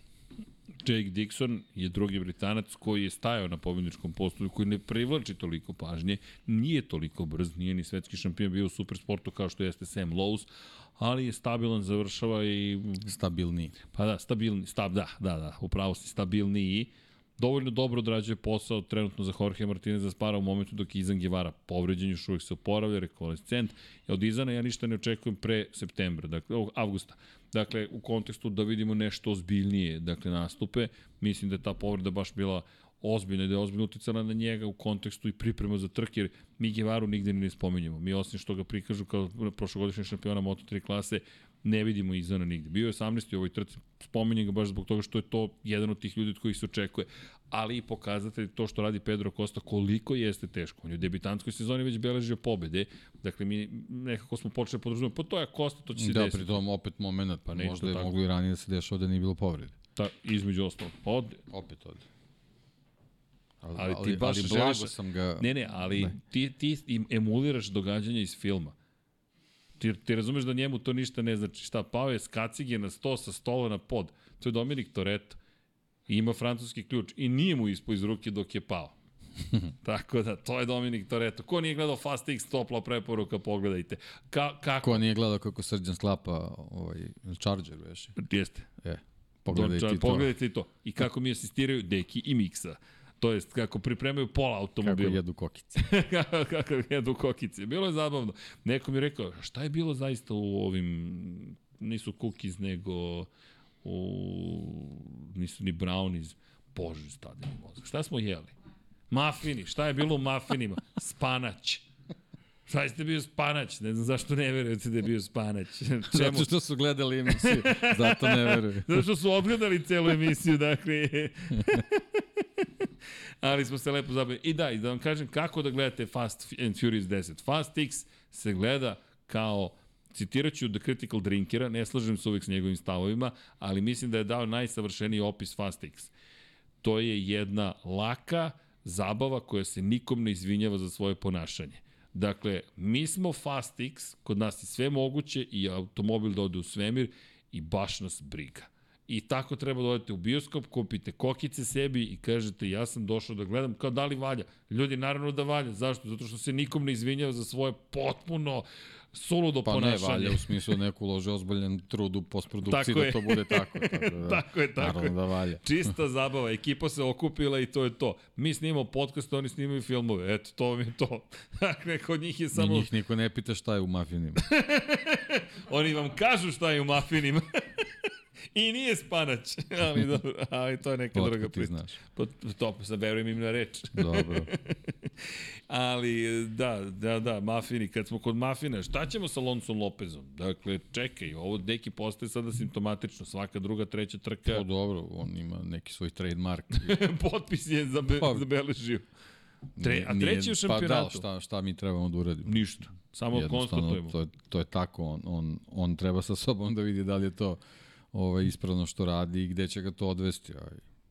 Šteta. Ovaj, pa, Šteta. Šteta da. A može da sačeka dve krivine otprilike. Sačeka i dve krivine Alonso. A pri čemu ono što je meni naj, najzanimljivije od svega, kaže, ja ne razumem ovu kaznu. Ovo nije še ni trkanje. Mi, čekaj, Alonso uleteo si u čoveka direktno, dok čak nije ni bilo šanse da izvedeš uspešno manevar. Ali ok, Alonso, svakako je harizmatičan na svojstven način, ali je harizmatičan. Da, mislim i sad na stranu ponašanja, ali generalno on se sjajno vratio posle. Jeste šesta pozicija. On je praktično dva duga kruga Dva odradio. duga kruga. Ne, ne, ali taj, ne, ne, čekaj, u moto, čekaj, u moto čekaj. dvojkama se vratiti na tu poziciju posle dva duga kruga. Ali stvarno, prvi dugi čast. krug, kada je sišao sa staze, ja, sam sam pomislio, o ne, Pa o, to ovo je je prekršaj, to je Alonso to Lopez. Je, to je, da, da ti prebrzo ulaziš u...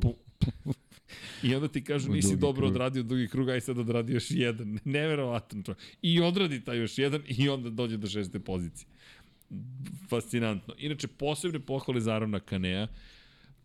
Povređen na pol poziciji, nije čak stigao ni da, da da izjavu posle osvajanja pol pozicije, bio u medicinskom centru, vrlo ružan pad, ružan incident, međutim i tako ugruvan seo je da vozi, završio četvrti, čestitki. Znam da uvek ima neko ali, ne znam da li će ikada pobediti u Moto2 klasi, ali samo eto, makar da pohvalimo trud koji je bio ozbiljan i očigledan, tako da žao mi je što, što nije moglo bolje, ali četvrto Da, mesto. sad je pitanje kako će biti u, u ovim vezanim Da, da, trkama, ali eto, on, on je pokazao još jednom i da je borac, da je, da je talentovan i brz, ali eto, jednostavno, neverovatno šta mu se sve dešava.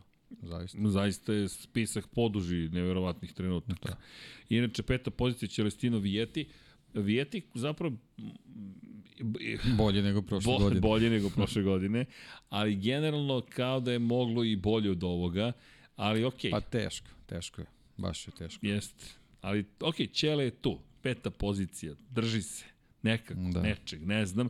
I Filip Salač, moram Jest, priznati da, jest. da Filip zaista lepo napreduje, još da nauči malo gume, da, pa, da, da mislim uštedi. da je ovde malo, malo želja ga je ponela da agresivni donese podijum. Jest. Nije kalkulisao dovoljno. Uopšte, ja mislim da je bio...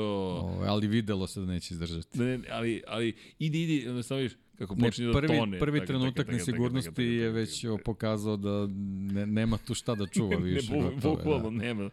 Baš je ostala salata tamo pozadi od gume, ali, ali lepa vožnja salača. I dao je sve od sebe da Gresiniju nešto donese. Četvrti u šampionatu, sve trke završio među osvajačima poena.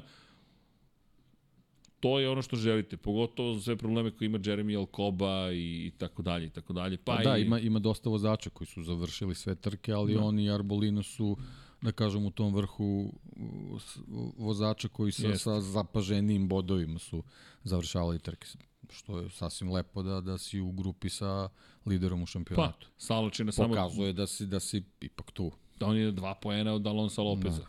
To isto nešto govori. Dakle baš ja samo imam reči hvale za za Filipa Salača. Ne, ne bih nešto isticao još još da li njemu ovaj Sachsening dođe kod neka polu domaća trka. Tu je blizu je. Pa blizu je, pa pazi ti od Praga ili gde god pa, da si u Češkoj, da. Češka je blizu. Da. To je Zavisi to. kako on to gleda, tako da možda Naravno, eto, ne, ne znam. Uz, uz Muđelo možda i sad ima neku, neku ambiciju da, da bude na podiju, možda biće zemljaka tu, verovatno. Čekaj da vidim, gdje je rođen? Mlada Boleslav. E, e sad, Mlada Boleslav, e pa to je relativno blizu. To je Škoda. Škoda iz Mlade Boleslava. Opa! Evo, e, doktor, profesor. I, e, samo da znaš, dobio si novi nadimak. Ledeki. Juče Paja kaže, priča o Lemanu i sad ja treba da sedim sa, lede, sa, sa ja kažem, lekar, reci, reci, Ledeki, sa Ledekijem, razumeš, i da pričam o Lemanu. Pošto Ajmo Paju. dalje. Sa, samo da pohvalim Paju i da istaknem da je to, mislim, važna životna filozofija. Dogovor je bio, ćemo ljudi, Leman, ponedeljak i Paja kaže, ljudi, ljudi, come on. I onda pitanje, zašto je bojkotovo i Pajak odgovorio, nisam bojkotovo. Tek je 22 časa proveo gledajući Le Mans. Zna o tome mnogo više od mene. Ja sam gledao par isečaka. I sada ja treba da sedim za istim stolom sa Dekijem, ne pada mi na pamet. Uvredljivo je i za Dekiju i za ljude koji gledaju. I samo da bih se pojavio, neću. Dakle, nemam šta da tražim za tim stolom, tako da samo hoću da kažem da je to jedan stav koji je mnogo divan i malo ko odbije zapravo da bude negde i, samo se pojavi da bi se pojavio, pa ja to mnogo poštujem, ima tu filozofiju. Ne znam nešto o tome, šta ima tu da se pojavljaju. Zašto bih se pojavio? Rekao, ljudi, nisam stigao ni da pogledam trku. Pa inače prenosio komentari su odbojku tokom ovog vikenda. Znam gde je bio, nije bilo šanse da isprati celoj priči. U potpuno drugom je filmu, čak nije u automoto sportu i sad dolazi da, da da svoj komentar na Neleman i rekao, šta mogu da kažem? Bravo, Ferrari pobedio je i rekao nema potrebe, tako da samo hoću to da istaknem, a ti si postao Ledeki, Ledeki, 24 časa Ledekija, dobro, to ćemo, ono, Lego, znaš, Ledeki, mm -hmm. Lego, a, sve se sklapa, Vaš. dakle, dakle, izgrada Škode, dobro, relativno blizu. Ne znam kakav stav ima prema trci u Nemačkoj. Saznaćemo ne, kad kažem, dođemo ako tamo. dođu zemljaci, eto, to je još, još jedan razlog da bude dobar drugu trku, trku za redom, da malo sačuva gume više. A ovde će možda moći. Pa vidi, u svakom slučaju videli smo u Francuskoj da može, ali ja zaista mislim da ga je Gresini poneo, da je to taj motiv bio. Pa tako bio. mi je delovalo, stvarno su u jednom trenutku išao na sve ili ništa. Da. Jest. I, inače, I onda je krenuo da pleše. I ti javljamo se zadnji kraj. Halo? Da li je to Filip Salač ovde za vaš zadnji kraj? Kuma je gotova. Ja bih da odem. ja bih da odem. Svojim putem. Derin Binder inače se vratio na stazu, samo da konstatujemo, nažalost ne baš preterano dobar vikend i spomenuo je Lukasa Tulovića. Lukas, ne, nema predaje, Lukase, mi smo uz čebe, dakle potpuno ćemo biti subjektivni kako god da pogledaš i očekujemo te u top 5 kod kuće ne oček, nije bitno šta ćeš da uradiš, mi ćemo te podržavati, zato što je to pitanje ljubavi, a ne pitanje toga koje rezultate imaš. Ali želimo ti dobar rezultat, ako pratiš ovo, i ako razumeš uopšte šta pričamo.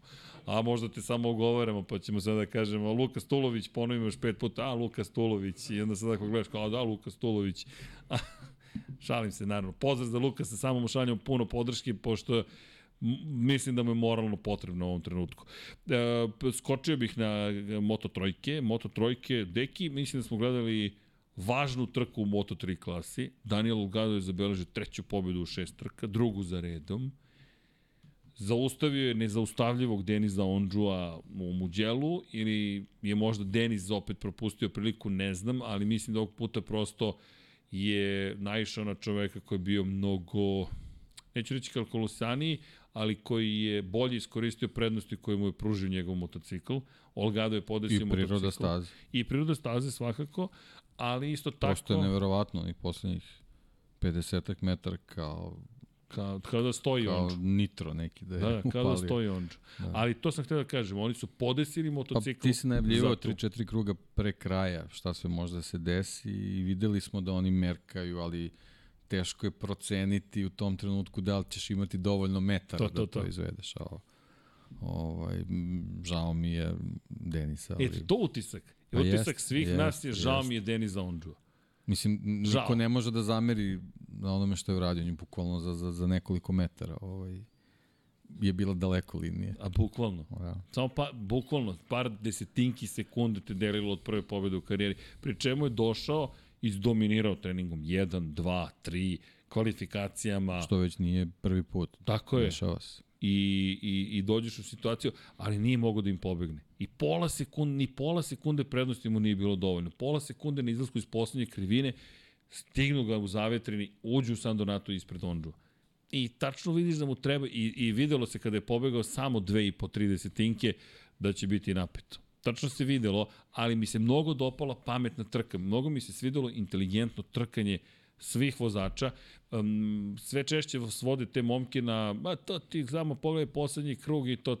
Ne, nije samo u tome stvar. Možemo i da vrištimo, padamo sa stolice i da je uzbudljivo poslednji krug.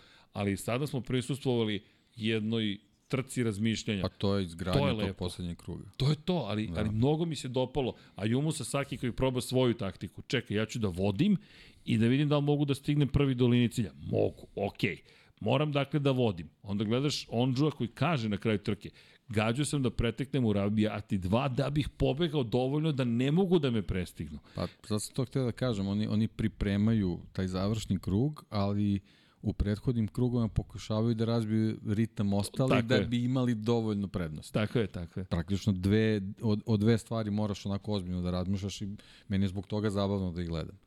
A, ali pogotovo kada se grupa svede na 5-6 vozača. Kada je 15, to je haos. Pa da, to je, To ne znaš to ko- je i opasno i iskreno posle svega šta se dešavalo ranije. I pogotovo u Muđelu, Da, da, gde da. smo izgubili Jasona je, spominjem da ne verujem zaboravimo da, da, da svi oni su to i imali u glavi i teško je se tu vratiti, ovaj, posebno kad, kad jako malo vremena prođe i ovaj, Ostane to, to je, Ostane, to je ostane, ožiljak. da, da, to je da. bukvalno ožiljak u svakom smislu te reči. I generalno ono sve što se dešavalo prethodnih dve, dve, dve sezone, ajde da kažem, jednostavno nije, koliko god spektakularno izgledalo, nije prijetno kad ih gledaš u toliko velikoj grupi. Ovako je, ovo, ovo je prilika za pravo trke. I bilo je taman. Baš je bilo lepo, gledaš svakog od njih po osobi, kao, ok, šta će sada Ondžu, šta će Sasaki, a da li može David Alonso? Meni David Alonso koji, izvinjam se svima za lapsus koji sam napravio tokom prenosa, ko je primetio, primetio, ko nije, nije. U svakom slučaju, David Alonso koji je tamo, e, gospodin Đankić koji me sa sarmom za, zamotao lepo, ali dobro. U svakom slučaju, ko nije ispratio šta sam rekao, ne, ne, ne smem ponoviti. Voldemortovo ime se ne izgovara. U svakom slučaju, u celoj priči, David Alonso koji sedi u onoj grupi, ja gledam, razmišljam, pazi sad ovaj klinac kada sve klepi i kaže tu, tu, tu, sad ću ja to, ali i on bio pametan, mislim da je shvatio ovo je igra koja u ovom trenutku ja nisam na, na ovom nivou. Mogu se bacam ovde nešto da rizikujem i mnogo mi se dopalo što i njegova inteligencija, vidiš razmišljanje i kao, ok, ja sam sad u ovoj grupi, sad ću ovde da pratim i šta bude biće. Možda mi najslabiji bio na kraju Đaume Masija, Jeste. s iskustvom koje posjeduje da ti budeš peti, da te pobedi Alonso, da ne budeš na pobedničkom postolju, to mi je nekako utisak kao da kao da nije mogao da isplanira kako da dođe do pobedničkog postolja. I to me iskreno iznenadilo, pogotovo što Masija baš ima iskustvo i znao To bi i dobro nekako da posle kadrovi iz garaže, nekako onako ravnodušno, ravnodušna gestikulacija Da. generalno malo malo mi je tu nekako pokvarilo utisak, ali možda tu ima nešto što mi nismo, nismo znali, Da. možda, možda nešto nije bilo idealno, jednostavno nije mogao da, da, da, da proba da uradi nešto više, a znamo, mislim, znamo Đaume i od ranije da apsolutno ako postoji prilika, on će to uraditi. On hoće. Ali ovo je opet plasman koji je imao na početku sezone peta pozicija u momentu kada mu treba nešto da smanji razliku Daniela Olgada. Olgado, izvinjam se, je na 109 poena. 74 ima Đaume Masija na poziciji broj 2. Masija ne može biti nezadovoljno drugim mestom u šampionatu, ali 35 Ali raste razlika, da, da, da, da. raste. Pritom Olgado ne pokazuje znake slabosti, bukvalno može nastavi ovako. I, I to je ono što se takođe videlo, da on čovjek isplanirao, ok, ovo će biti moj potez. I kako su se nametnuli, Komi je takođe bio donekle slab u celoj toj priči, Ayumu Sasaki.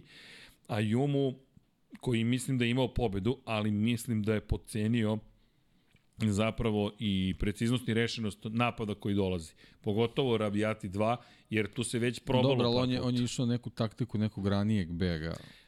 Da bude vjerovatno, očeku, vjerovatno znajući neke slabosti svog motocikla, pokušao, ali nije uspeo zato što su drugi stvarno, stvarno bili u dobrom ritmu i niko, ih, niko nije razbijao taj ritam.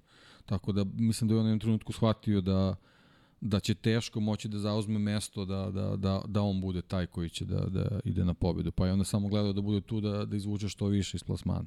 Za razliku od Masija koji kao da se preda u jednom trenutku. Da, nije izgledao zainteresovan. Da, da, da, to ono da. što je meni bilo frapantno. Da. Sa, Sasaki bukvalno nekako mi je delovao kao čovjek koji samo traži da izvuče što više. Pa ako bude pobjeda super, ali mislim da, da je u jednom trenutku bio svestan da, da, da će teško to uspeti da uredi. Oporavljaju se polako i Sasaki i Onđu u kontekstu šampionata. Daleko su od Olgada, treba im greška Olgada da bi se zaista približili, ali lepo ih je vidjeti dva pobednička postolja za redom za Sasakija.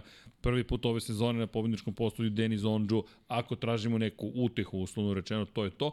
Inače, ako bi negde Ondžu mogao da, da ipak dođe do uspeha, to bi trebalo da bude Nemačka. Ajde, nismo u Moto dvojkama najavljivali previše Nemačko, nema šta da najavljamo, ljudi, to će se svesti Ista opet ekipa, na tu bitku. Dakle, I to ekipa to. koje smo spomenuli, samo naravno dvojica lidera imaju Tako prednost. Je. E sad ovde, Da. Ondžu, aj, hajde da vidimo, da li može ovde da izbegne taj pravac je 700 metara, a i linija cilja je na izlasku iz poslednje krivine. Dakle, to se zna, moraš da vodiš u 13. krivini. Jedini čovjek koji mislim da je izgubio, a vodio u poslednjoj krivini, u poslednjem krugu je bio Valentino Rossi.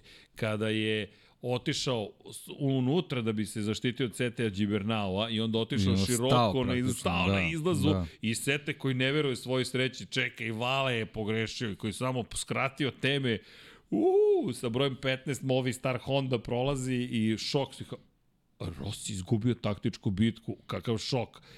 Pušio se posle toga, bukvalno vidiš da mu je mm, opis bio da, ali to je jedina osoba koju ja pamtim neverovatno, ali to vam je pokazati koliko je to teško raditi. Velikani naprave te greške, a kamoli klinci koji tek treba da uče. Tako da Saxon Rigby bit će to onako, ali, ali ok, drugačija staza, ne, ne znam da li Donđu može da ponovi sa celu priču.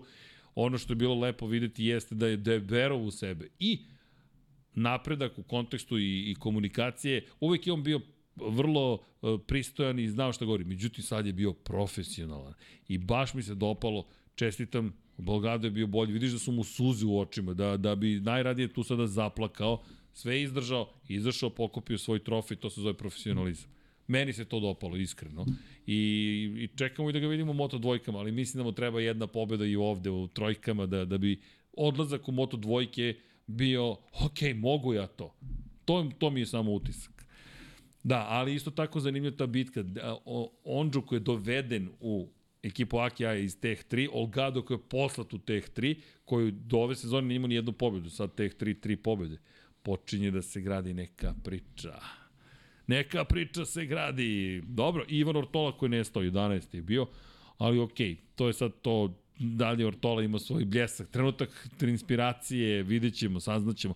Zato su i Saxon i Jasen bitni, dobit ćemo potvrde, možda je samo ovo bila neka anomalija. Inače, Colin Vejer, šesta pozicija, pobedio u ovoj pratećoj grupi, nismo gledali te, tu, tu nismo mogli da vidimo ko šta kako planira, ali pohvale za Holandjanina. Samo da ne zaboravimo Novajlije, jer mnogo spomenjamo Jose Antonija Ruedu koji je bio 14. A Vejer koji je bio šesti, da ga zaboravimo, mislim da nije okej. Okay. I svaka čast na tome što je učinio. Da, Rueda će možda biti bolji u, u, u Saxeningu, u, čisto imajući u vidu neke trke gde ove godine bio dobar, ovaj, kao što je Portimao ili Jerez, tako da možda, možda u Nemačkoj bude bolje. Da, bi, bi, Da, bi, verujem da će se ovoj grupi koja, koja je vodila bitku za pobedu u Muđelu ovamo priključiti još neko. Ili takva nam je sezona, uvek, uvek neko sa tih Dođe više još neko, pozicija da, da. se pojavi, bude raspoložen na, na, na određenoj stazi. Da, i pa, pr, do, ajde, treća trka za redom u kojem Diogo Moreira nema baš rezultate koje smo počeli da očekujemo. Bio je deseti, pa je odustao, pa sada sedmi, tu malo popušta, ali mislim da sad više ne mogu kažem da nema luksuza, ali bio si drugi, treći, drugi, četvrti, moraš da budeš u vodećoj grupi. Čak i da pretrpiš porast, ti moraš da budeš u vodećoj grupi. Ok, posao pred njim, pa da vidimo šta će uraditi Brazilac u celoj ovoj priči. I naravno moramo da spomenemo samo kratko, pošto jel ti imamo toliko kategorija, možemo do 4 ujutru da radimo, ali Moto je šampionat, sada zvanično sve, ali moram ti kažem, mnogo me nerviraju, zato što su uh, ranije govorili da je to šampionat, zvali su ga World Cup, ali kao to je, to je sa, e, nije, šalili smo se, evo režite me ako nije politika u pitanju i sad pre daj katanu, katanu. daj katanu, dakle dok je bila energika to je sve bilo super top, e sad je kad je ušao Ducati, e sad je ipak to sad šampionat sveta jer sad imamo dovoljno trka. Čekajte ljudi, govorili ste nam četiri godine ste mi glavu kljucali kako je to svetski šampionat, kako je to rame uz rame sa šampionatom Moto Grand Prix, Moto 3, Moto 2 i ja to ponavljam kao papaga i onda dođe 2023. A ne, ne, ne, nisi to dobro razumeo. A nisam dobro razumeo. Ok, preneću vam moje osjećanja javno. Uh, ali kako god, evo, dobit ćemo ovaj do svetskog šampiona, ne znam šta ono bilo pre. Šta smo rekli? Mateo Ferrari će da, da pobedi Ja, Mateo, Mateo, drugi treći. Ali dobro, Mateo Ferrari, bilo je zabavno gledati ga. Pol pozicije pala, par najbržih krugova, ali dobar je bio u šampionatu sveta u kontekstu te bitke sa Jordim Torresom. Međutim, pobede Andreja Mantovani. Ako se pite ko je Andreja Mantovani, ovo je, moram priznati, pošten moto je, strašno, ali ovo mi je kup zaboravljenih asova. Kucamo na vrata zaboravljenih asova. Andreja, imaš nešto pametnije da radi? Ne. Dakle, ja ne mogu da prihvatim, izvinjam se, vozač svetskog šampionata, izgleda u lošoj formi od mene. Dakle, to je potpuno neprihvatljivo. Da, realno, dakle, pričamo ljudi realno, i ja gledam, razmišljam, pa ne može, nemam, ljudi, nemojte, molim vas, ali skidam kapu Andreja Mantovaniju, na pobedi koju je odneo, bilo je lepo vidjeti ga. Imam osjećaj kao Pro-Am kategoriju da, da, da komentarišem, iskreno, kao Porsche Supercup kada se pojavi Pro-Am. Gentleman driveri. Gentleman driveri, bukvalno. E, ono, došle je subote, ne, došle je subote jedan, dve trke Moto E klase. E, da bi to otišlo na viši nivo, moraće da podignu nivo igre, ali svaka čast Mantovaniju u tom, toj formi, kako jeste fizičkoj, odneo pobedu gospodin. Svaka čast, skidam kapu. Nije kasno za mene. Nije Nile of Man, TT, ni mote. Ali ovo je zaista su zahtevni motocikli za upravljanje i Dekijev miljenik, šesta i prva pozicija Erik Granado. Jer Erik kada sedne na elektromotocikl postane elektro Erik. Dakle, Granado potreban nam je bio, evo, pobjeda. Čim se pojavio na stazi? Ka, hoće, hoće da osvoji titulu, Deki? Pa ne, mislim, ne znam. Ne, ne, ne verujem, ali on, on, on pokazuje da, da mu leže ti motocikli, da je brz na njima, samo što je to neki, neki kiksavi desa, pa tu ostane bez nekih bodova, ali mislim generalno njemu je ovaj moto je čisto produžio tu karijeru, Jest. tako da okej. Inače, kup italijanskih i španskih vozača uglavnom. Pojavi se tu po neki švajcarac, Randy Krumenacher koji je oživao karijeru. Pa da, ali to je opet generalno ta priča. Italijani i, švajc, i, i španci da. ovaj, su i bez obzira koliko ih je u mogućnosti da donose ta neki, neki sponzorski novac i onda naravno da mogu tu da se pojave, a ostalima je izuzetno teško da zainteresuju nekoga da, da, da im pruži podršku za neki šampionat. Eto i sam si rekao gde ni organizatori baš nisu najsigurni šta je tu u stvari. On ne, ba, ali na šta je a njima je, njima je preko potreban marketing da bi privukli kompanije da, da im pomognu za taj šampionat, a opet se povlači priča da bi šampionat bio zbiljniji, moraju da dođu i neke veće zvezde, što se napisao na početku, o, kad smo pričali o tome kad je, kad je Ducati ušao, kad sam pomislio da će, da će se to zaista desiti, ne znam da Michele Piro recimo gostuje da vozi na nekoj trci da su napravili kao, kao ne. Porsche Cup automobilizmu što ima u šampionatu, kažem, ima jednu je. ekipu gde su vozili VIP tako ličnosti. Je. I, i, to, u, i čitaš mi misli, bukvalno. Kapiram, ovo je mnogo opasnije naravno i sve stoji, ali generalno Ducati ima ba, bar toliki dijapazon tih fabričkih vozača koji u nekom trenutku može da uključi čitavu priču da, da, da to postane ozbiljnije s nekim imenima koje neko poželi da vidi to. Pa moj utisak je da Dorri nije dovoljno stalo. Evo iskreno da ti kažem. Dakle, koliko god da govore i velike se reči koriste i halabuka je cela, dođeš na stazu i shvatiš da da niko ni ne zna da se vozi moto je trka. Pa iskreno, ovo, ovo mi deluje kao neka priča da je uh, Ducati ovo dobro došlo za, za razvoj nekih ovaj, tehnologija. tehnologija koje će primeniti u budućnosti verovatno u, u serijskim motociklima i da nije te zainteresovanosti Ducati, ovo bi možda Ja mislim da, da, da, mislim da bi otišlo u prošlost. A Adorno to mislim da ne sme da priušti, jer ako pričamo... A to može se desiti, recimo, izvini, ako, ako ne, ova generacija tih uh, električnih motocikla Ducati njima bude dovoljna za to što trebaju da ispituju, ako ne bude pa sledeće pa generacije, e, tu će biti kraj. Ajmo veliki proizvođači Formule E, kada su razvili tehnologije do dovoljnog nivoa koji je bio njima potreban za komercijalizaciju, rekli su, e, nama ovo više ne treba, aj ćao. Bukvalno, to je, to je bukvalno, Formula je dobila da. žestoke udarce. Ničem nisu bili vezani. Tako je. I sad imaš još jednu stvar, moj, ono što je moj utisak, Ducati, znaš kako, sad elektro priča je popularna priča. Evo imamo elektro šampionat. Super, mi se borimo za, ne znam, unapređenje, uh, za spašavanje životne sredine ok, da ne ulazimo u diskusiju o tome da li stvarno spašamo životnu sredinu na ovaj način. Inače, ono što ti stalno pričaš, to, evo, Toyota ponovo govori, elektrovozila nisu rešenje. Ja smatram da nisu rešenje. Ako, e, kratko objašnjenje. Ajmo da zamenimo sve automobile u, evo, u Beogradu, sada elektrovozilima i prikačimo na struju. Toyota pravi taj novi korak. Predstavljaju prototip za, za Le Mans na vodonik. Želeći da skrenu pažnju na neke druge ovaj, izvore. Tako je. I iz te perspektive mislim da je ovo silom prilika napravljeno. Takav mi utisak i žal ne, mi je. Ne, kažem, nije samo prilika. Ducati je iskoristio priliku ne, ne. Da, da dobije poligon za, za ovaj razvoj. Košto ih je tih 25 motocikla koliko je napravio, Ma, to je to. Kad, kad ali, kažem... ima, ali ima u punom pogonu u, u ogromnom broju krugova test poligona. Tako je. Nego kad kažem silom prilika, kada je uspostavljen šampionat, mislim da je neko rekao, ajde napravimo Moto je šampionat. Pa da, ali verovatno da Energika u tom trenutku rekla je super, ovo nam odgovara. Tako je, da razvijemo da i brand, razvijemo nešto. i motocikli i tako, dalje. Pohvale Ducatiju što su ovi motocikli po 3 sekunde po krugu brži od Energikinih, što je fenomenalno, pogotovo iz prvog pokušaja, tako da su napravili jednu ozbiljnu mašinu zapravo, ali isto kao što kažem, djeluje mi potrebne su nam zaista zvezde. Potrebno je to izgleda ozbiljnije. Nažalost, ono što sam video u Lemanu, bilo je na nivou, nama zaista nije stalo dovoljno do ovoga. Orga, organizatori, Dorna, meni nije delovalo kao da je zainteresovan previše za Moto E, osim što mora da kaže, ej, zainteresovani su za Moto E. Sa ovom organizacijom dodatne trke u Moto Grand Prix-u, ovo im je samo glavobolja, dodatno, glavobolja, da. pa oni su sve pomerili zato na subotu, subota je sada postala najžešći dan na stazi. Subota, nema spavanja. Uh, Red Bullov kup Novalija, kada krene, trening ujutru, trka popodne, to traje ljudi ceo dan. Dakle, kada se završi subota, svi, svi su potonuli od redara do medicinskog osoblja do organizatora. Ne, ozbiljno, to su ljudi. Ali, okej, okay, tu smo gde smo. I imamo još Nemačku, Holandiju, Veliku Britaniju, Austriju, Kataloniju i Mizano i to će biti šampion. Nije malo. Nije malo, ne, da, da, imamo još šest trkačkih vikenda. Pri čemu, ako će stvarno da se igraju tih fora, ovo je svetski šampionat. Gde su tri kontinenta? Neki, Gde su tri kontinenta? Ja ne, ja vidim Francuska, Evropa, Italija, Evropa, Holand, Nemačka, Evropa, Holandija, Evropa, Velika Britanija, i dalje Evropa, nije Evropska unija, ali Evropa, Austrija, Evropa, Katalonija, to je Španija, Evropa, Mizano, to je Italija, Evropa. Gde je drugi kontinent? Ako je ovo stvarno svetski šampionat, pa sad pričamo praznu priču da je dovoljno trka da bi bio svetski šampionat. Pa ne može. Mora da ima tri kontinenta.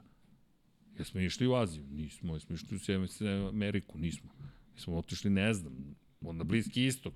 Nigde nismo otišli, smo se pomerili iz Evrope. Ali to ne veze sa vozačima. I dalje mi se mnogo dopalo što je Mantovani pobedio i koliko se radovao, ono je bilo fenomenalno, neće se da je neko toliko bio srećan kada je pobedio. I Erik Granado, ok, to je već očekivano. Ali lepo, lepo trkanje. Kevina Manfredi bih istakao. Inače, 18 vozača imate u ovom šampionatu. Samo tri nisu iz Italije ili Španije. Hikari Okubo iz Japana, Randy Krumerer iz Švajcarske i Eri Granado iz Brazila. Opet svetsko prvenstvo i tako dalje. Ali da ne bude da ih samo kudim, uvek volim da komentarišem i te trke i lepo se zabavim. I imamo još jedan samo komentar bih dao deki na, na Red Bullov ruki e, kup Novalija. Zašto? E, zapamtite par imena. Dakle, već smo spominjali Angela Pikera, zapamtite, momka 178 poena ima i u Junior Grand Prix je najbolji ovde najbolji, ali bih istavao Maksima Kilesa. Zašto? Maksimo Kiles, ljudi, je mogao da pobedi po kiši. Inače, on je imao kaznu dva duga kruga pre što je trka počela. Odradi jed, počne, neki počinje trka, on ima do dugog kruga prednost od ne znam koliko sekunde, nisu čak ni izmerili, izlazi iz kazne dugog kruga i ka, ima prednost dve sekunde. Ali, pošto nije ni sačekao tablu koja mu govori idi odradi kaznu, onda je bilo pod pitanjem, znakom pitanja da li je prekršio pravilnik dugog kruga, koji je uradio po linijama kojima treba, ali nije dobio, jer kako ide pravilo?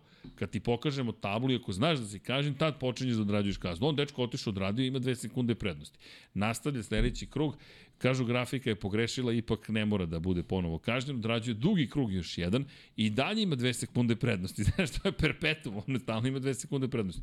I počinje da vodi u trećem krugu izleti se staze. Ja kažem, ok, sad, sad, stvarno sa glavobolja, nastavljaju ostali da se smenju ko vodi, ko ne vodi i Kiles koji sutra dolazi sa planom kako da pobedi. I on sprovodi u delo plan kako će da pobedi i bilo je fenomenalno gledati jednog klinca koji i kako razmišlja šta uraditi. I Pikera se se pušio isto, bio na drugom poziciji, zadovoljan sam drugim mestom, e, sve je u redu, vidiš čoveka koji ne može da podnese da je pobeđen, razmišlja, ok, ovo su ta rivalstva koje se već ovde stvaraju, inače, na pobedničkom postolju, to je pobedu zabeležio prvu u karijeri u Kupu Novajla Alberto Ferrandez, pa eto samo da ih spomenem, da ih ispoštujem. Casey O'Gorman bio drugi, treći bio Marco Morelli, moram da ih spomenem, suviše mi je bilo zabavno i treće mesto za Guida Pinija u sredi Italije, u Mugello, deveti sad u šampionatu, to je simpatično, prosto ne znam ko će da uspe, ko neće, prosto eto, čisto da ih, da ih spomenem, jer mislim da Kili se treba zapamtiti. I to bi bilo to. Ja mislim, ne znam, ko zna možda ima. pa što se tiče trka, to je to, da. Da. E, Slavko Krstić te pita koji ti je omiljeni serijski motocikl i koji ti je omiljeni trkački motocikl? Pa dobro, trkačkom smo pričali više puta.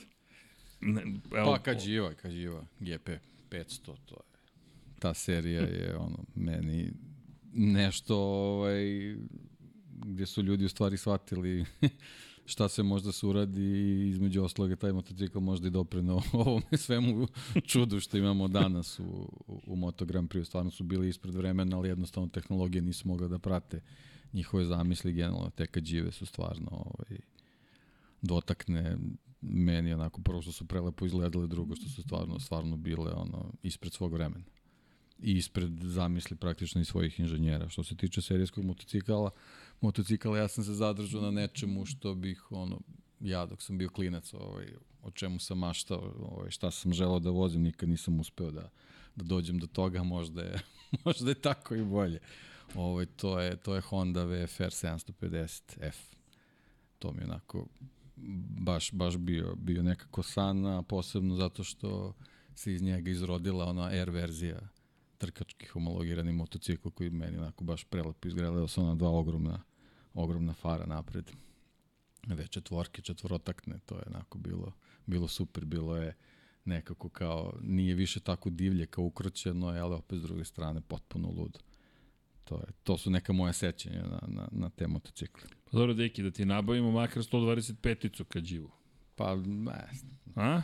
Ja, ja imam Aprilia u RS 125, da. ti uzmeš Kađivu 125. Dobro i... I to je to, 30 na sat. Da, da. Super. A mada, na 11.000 povuče to da ja da ti kažem. Jedino što moraš da držiš ruku non stop na kvačilu. samo nemoj telefoniraš. Da, da, to, da, ali voziš ovako, pružena ruka je neprekidno, jer ako zariba, de, biće ne le deki, nego air deki. Ali dobro, ne treba nam to. Da. Nemoj stopama Michael Jordan. Ja sam ostao 30 godina ovaj, unazad. Tako da, tu se zaustavilo za mene sve. Ali dobro, ali pazi, taj Kađiva Mito, na primjer, 125, lepa je. Lepa je, jeste. Ne, jeste. To su lepi motocikli. Tu to je Ducati ukrao dizajn. Zapravo, a zapravo svi govore Ducati, o Kađiva je definisala, Kađiva je, Kađiva. bila je ispred vremena. Kađiva je baš, po taj motocikl baš je bio. Ali ta Mito 125 meni isto kultni motocikl po pitanju ulice. Jer to, to, to, to ti ta cela priča, znači ti gledaš kad živo mito i kao, ok, i, i ta veza sa Ferrarijem na neki način Ađipova nalepnica u tom pa momentu. Pa dobro da oni su to koristili, ta, ta, da, da, da privuku pažnju, ali i generalno te njihove konstrukcije su zasluživale to zaista. Bar to su neke lepe priče. Ka, eto, čuli ste, kad živa mito. Ne znam da li ima još neko pitanje, čekaj da vidimo. Hvala za odgovor, deki. Ja pričam o Hondi, ono kad živi. Eto, Molim te kako? Ma sve je okej. Okay. Aha, Honda, VFR. VFR, da. Dobro, pa čekaj, ja, kad živa, to je... Kad će Srki uvesti segment da vozi MotoGP kao F1? E, Mr. Da Harune, da pokušao sam, ali verujte, verujte, dakle, to se završilo tragično po svakog vozača kog sam ovde uzeo. Kako uzmem, kao u maratoncima, kako s kojim poveze, a on trku više ne završi. On u penziju ode. Ja mislim da sam dovija ja penzionisao lično. Čo, čovjek je leteo koliko puta dok sam pokušavao da odlezim stazu. ali, da, da, da, ali, ali šta da radite? Uh, da, nešto sam uradio ovde, zabavljam narod, ali nema veze. Uh, Srkil, možeš da utečeš na SK da spakuje stare trke MotoGP F1? Odgovor je ne, ali ću pokušati. Dakle, samo da znate, uh, važim za najdosadniju osobu na sport klubu kada se pojavim to uredništvu i dođe mi oni kažu izađi napolje, opet ćeš da tražiš nešto što nije prihvatljivo, pošto ja tražim, ne samo ja, Paja, Džanki ja, mi smo tražili da se uvede SK Speed, SK Automoto, SK ne znam šta god, i svaki put da izađete napad i zatvorite vrata za sobom, ovaj, tako da, ali mi ćemo biti dosadni dalje, tako da pitaću, eto. E, šta imamo još? E, e, imam neku poruku, Ne, ne razumem. Aha, aha, test Alvaro Bautiste. To nisam spomenuo. A, čekaj. Alvaro, Alvaro, da, pa dobro, ajmo, Alvaro Bautista. Hoće li se Alvaro Bautista vratiti u Moto Grand Prix u svojim poznim godinama u karijeri, u Moto Grand Prix kao vozač možda Ducatija? Šta misliš, da će ga nagraditi pa, kao ga, jednom vožnjom? Da. Šta misliš? naravno da će ga nagraditi. Hoćemo da imamo taj moment. Dobio je potvrđeno, tako ja mislim čak i zvanično, dobit će to sigurno, ali nije to sad, kako bih rekao, preslikavanje onoga što se desio, ne, ne, što se desio Topraku, zato što Alvaro je bio regularni vozač Moto Grand Prix. Jeste, ne, Njemu ne, to ne, nije ispunjen ne. san, to je bukvalno A, eto želja da... povratak kući. Tako je da dobije priliku eto, da, da, da sedne na te moderne Moto Grand Prix motocikle i da, da u stvari uporedi kakvi su bili motocikli, kako je on vozio s ovim današnjim, tako da... Ovaj... Opa, pobeže mikrofon. Ali, uh, apropo Alvaro Bautista, Alvaro Bautista je osvojio Grand Prix titulu 125 kubika 2006. On je dečko napredovao kroz 250 dvotakne, došao, bio je fabrički vozač Suzuki-a, Rizla Suzuki, čuvena, jedan jedini vozač pre nego što su otišli u prvu penziju, pa se onda vratili. I to je bilo na motoru koji je imao V raspored, dakle to je bio četvorat V, V četvorka, tako da Alvaro ima ozbiljno iskustvo i on se borio sa tamo nekim Valentinom Rossijem, Caseyem Stonerom, Nick Kim, Haydenom, Danijem Pedrosom i tom ekipom vozača. I tu je znao da bude peti, šesti, sedmi. Tako da Alvaro, Alvaro, niko ne zna zašto je Alvaro bilo potrebno 16-17 godina da uđe ponovo u formu koju je nekada imao, ali evo, ušao je u formu i iskreno za one koji ne znaju Troy Belis, pogledajte Valencija 2006.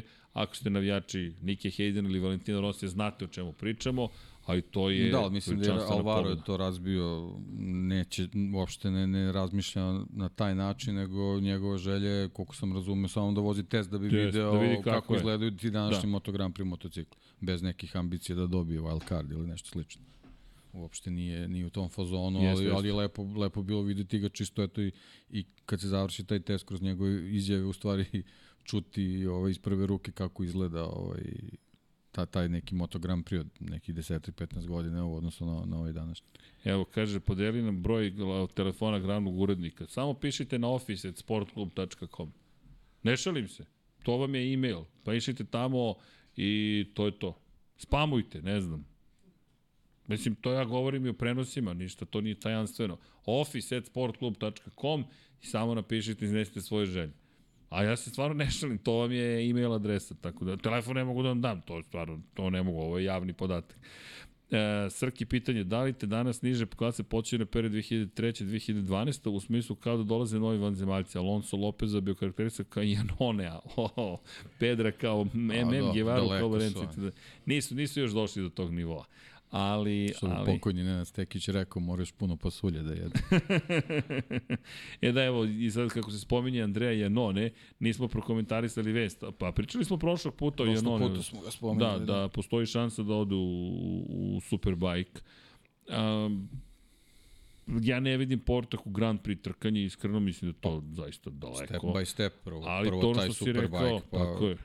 Pa prošlog puta si to rekao. Ajmo, uđi u Superbike da vidimo tu gde, gde su refleksi, brzina, Ne, to nije, Vinjales je rekao ne gubite talent. Nije to samo pitanje talenta, vi morate biti u treningu. I ne samo fizičkom, nego psihofizičkom u kontekstu toga da, ste, da ste vi istrenirani da reagujete na ono što se događa oko vas, ispred vas, iza vas, da ste spremni za tu vrstu tempa. mi imamo utrenirane Moto Grand Prix vozače koji pređu Superbike i ne snađu se uopšte. Tako je. Iker Lekona, Remy Gardner, nije to baš tako jednostavno. E, slušaj pitanje, Dragan Matić, šta biste vi savjetovali Akosti za sledeću sezonu? Ja bih mu dao isti savjet, kao i sad što je dobio, iskreno. Ja bih rekao, Pedro, zaboravi sledeću sezonu. Mi sad vozimo trku po Tako trku. je, da, završi mi, ovo pa... Mi, I nemoj, nemoj da mi razmišljaš o Asenu. Kakav Asen? Dakle, filozofija bi bila bila Beličika iz New England Patriots u NFL-u. Bavimo se samo vikendom pred nama. A onda kada spojite sve te uspešne korake, ako budu uspešni, doći ćete do toga da igrate u Superbolu. A to je onda samo još jedna utakmica koja vas čeka. Da, i, i ta, pa dobro, ista to je generalna filozofija u svakom šampionatu. Bavi se onim što je ispred tebe. Tako je. Nemoj da zeci u šumi, a ti... I što je najvažnije, ne razmišljaš onome što je bilo iz. Tako je, tako je. Još jedno pitanje za neki koji imaju sportski auto. Nebitno koji segment auto, limuzina, kupe i tako dalje. Pa ima dva. Od, od onih što sam vozio. Ovaj, čisto ne, nekog zadovoljstva u vožnji, to je Aston Martin DB11, a onako koji mi je baš, baš onako super, super ovaj, uživanje pružio je bio je Gallardo, ali Spider. To je tako nesavršeno savršen auto da nije normalno. Mislim ukratko. Eto, Ali to je samo od automobila koji sam vozio. Nadam se da ste, da ste zadovoljni odgovorom. Deki. Deki. Da, da. A, inače, evo, pozdrav. Nismo rekli do kog Superbola Branislave će biti završene neke stvari, tako da nemojte ništa da brinete. Sve je pod kontrolom. A, kad smo već kod Beličika, te, a tu tek šta imate da pročitate. O, Srki, da li vozačima u bilo kojoj kategoriji nametnuto oprema nekog proizvođača ili mogu sami da biraju? Najviše mislim da Odeler kacige nose od sponzora. Ne, ne, i odela mogu. Da. Obratite pažnju, da, da. ima tu istom ekipu vozača, u istoj ekipi vozača koji nose odela različitih proizvođača, samo su identično iz, izbrendirani, izdizajnirani, ali su različite firme. Da, inače, to su ozbiljni sponzorski takođe ugovori, dakle dalje, da Ineze, Alpine Stars, neko treći, peti i tako dalje, i to, to su, ali nije, znate šta, nije samo pitanje sponzorstva. Ako se vratimo kroz istoriju, imali smo situacije, na primjer, zašto je Jorge Lorenzo menjao svog proizvođača kaciga, zašto je napustio AJC u jednom momentu, zato što je imao sezonu 2015. kada mu je Sunđer, na primjer, pao u sred trke u Kataru na, na, ispred očiju, gde nije mogao da vozi, nije mogao da se bori za plasman na pobjedničko postolje, pa mu se takođe sa AJC-em desilo da mu se zamaglila kaciga. Čak i tako velikom proizvođaču mogu da se dese takve stvari, ali kada vam se to desi dva puta u trkama, u gde se vi borite za titulu, vi kažete, ej, čekaj, šta mi radimo ovde, onda promerite da li je to Shark, da li je to Arai, da li je to nešto treće, peto, osmo, deseto, da ne reklamiram nikoga posebno, ali evo, Schubert je tu koji je spasao na glavu našeg dragog prijatelja Ogija, koji tu stoji s razumom, to je stvarno korišćena kaciga, na navaku mu je spasila glavu. Inače, potpuno je solomljena kaciga, ali nije glava i tome i služi. Sad, da li ćete da izaberete jednu, drugu, treću. Inače, ovo je prava trkačka kaciga koju smo dobili od gospodina Miodraga Kotura, poklon, potpisao Lorenzo Dalla Porta i, i zahvalni smo na tom poklonu. Dominik... ja, Dominik Toreto ju je iskoristio, izdominirao je. I, i, i, i tu je. Inače, E, pobednici ovog vikenda, Onđu Masija, Aldeger Marquez, aha, opa, ovog, e da, Ajmo brzinski. Dakle, pobednik ovog vikenda. Ti si rekao, šta si rekao? Zarko... Ne, Zašto Zarko da za... da neće. Ajmo da pobednici samo ovog vikenda. Za Sachsenring? Da. Idemo Zarko spektakl. Zarko spektakl, okej, okay, da, da. Zarko spektakl, dobro. Mislim, ima tu Mislim... još ko će bude, ali Zarko je spektakl. Samo dobro. o spektaklima pričamo. Ne, dobro, dobro, dobro, dobro, dobro. Samo o spektaklima. Da, što se tiče Moto Grand Prix, da. Ko mi je spektakl, onda, ko nije Zarko.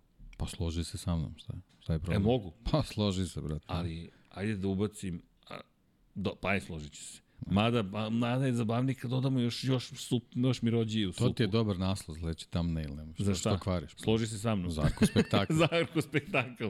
Zarko spektakl, može. Ma, ajde, ajde, evo, idemo, full na Zarka. Dobro, u moto dvojkama pobedit će Filip Salač čisto da bude zabavno. Spektakl. Spektakl, a Ondžu, ajmo Ondžu, ajmo Denize, ajmo Denize, ja mislim pa sad, da... No, sad već verovatnoću kvariš, pošto trebaju o, trojica da, da pobede. Što ne, Salač ima pobedu? Salač nema pobedu. A nema, znači nema. treba trojica bez pobede, ti e, pobede. A, a to će ti biti... To je spektakl na, na kub. Čekaj, je to bila 2016. Brno? John McPhee po kiši na Peugeotu, Ali neće biti kiša. Jonas Folger pobeđuje A da, neće biti. Ali dobro, ali to je ta trka. Jonas Folger u Moto dvojkama i Karl Kračl u Moto Grand Prix. Spektakl na kub. Na kub. Ok. Spek... Za one tri krivine u desnu. Svaki. da, I da dobio krivinu. Da dobio ime, da.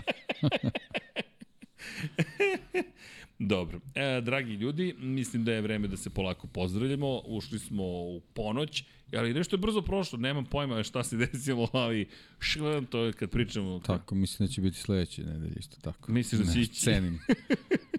e, vidi, mislim da ćemo imati o čemu da pričamo. ću malo da puziram. Da, onda malo Asen. Ne, imamo još Jasen posle. Pa dobro, onda, i onda pauza. Onda ćemo malo I onda malo pauza. E, da, da, da znate e, imaćemo pauzu tokom leta. Dakle, ne, imaćemo pa, pauzu u smislu da neko ne se pita, pa dobro, planirate da, planiramo da napravimo dobro, jasno, pauzu. Jasno je, pošto najavio da neće biti, ali...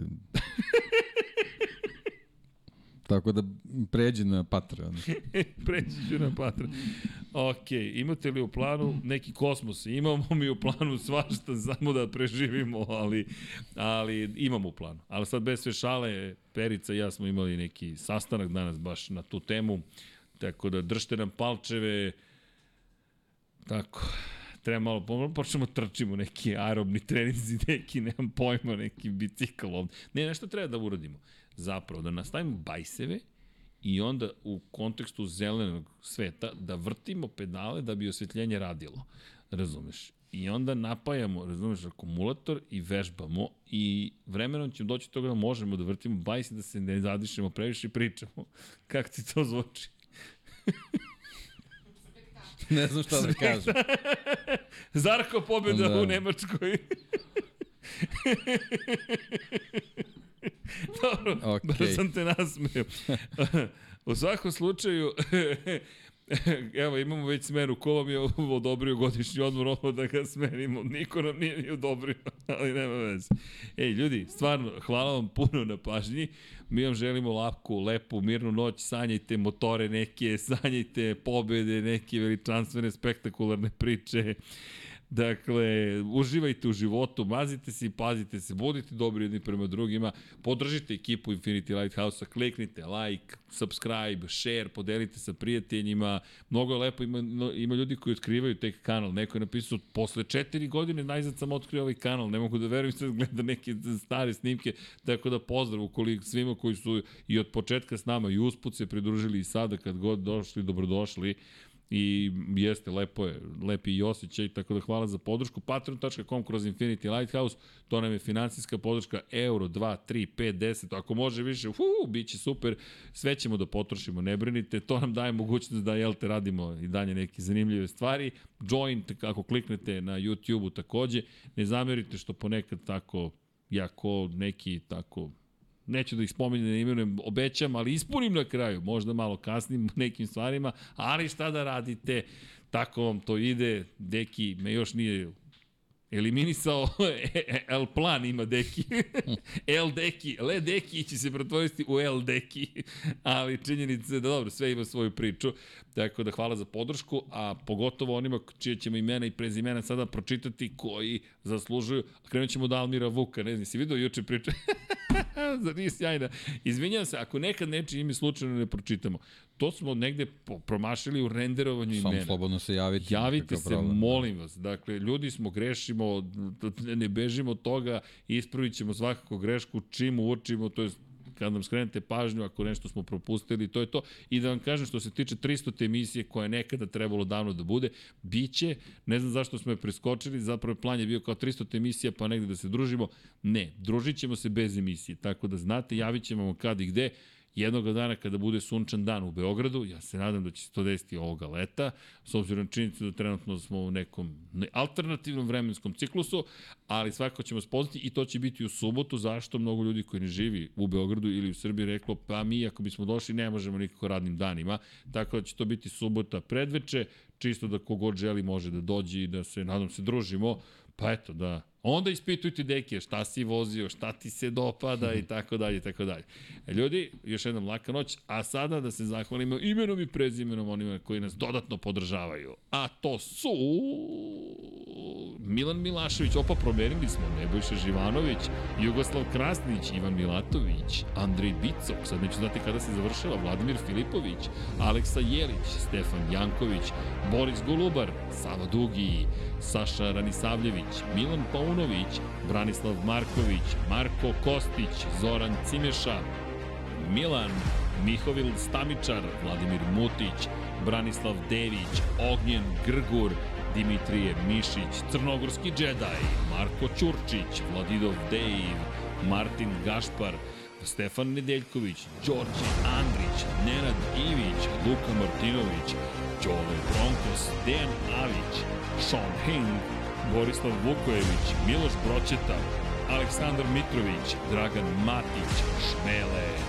Nemanja Labović, Dušan Ristić, Miloš Banduka, Filip, Aleksandar Bobić, Nedo Lepanović, Aleksandar Banovac, Mihajlo Krgović, Aleksandar Milosavljević, Đerman, Predrag Pižurica, Petar Relić, Vučnić Miroslav, Đorđe Đukić, Miroslav Cvetić, Ivan Rečević, Đole Cheesehead, Mladen Mladenović, Strahinja Blagojević, Nemanja Miloradović, Vanja Radulović, Srđan Sivić, Ivan Simeunović, Dejan Đokić, Žorž, Jeca N. Stefan, Miloš Radosavljević LFC, Milan Ristić, Monika Erceg, Stefan Dulić, Igor Jankovski, Matija Rajić, Stefan Stanković, Neđo Mališić, Đorđe Milanović, Zorana Didić, Ognjen Gurjanović, Vladan Miladinović, Igor Gašparević, Nikola Stojanović, Bogdan Uzelac, Ivica, Marko Bogavac,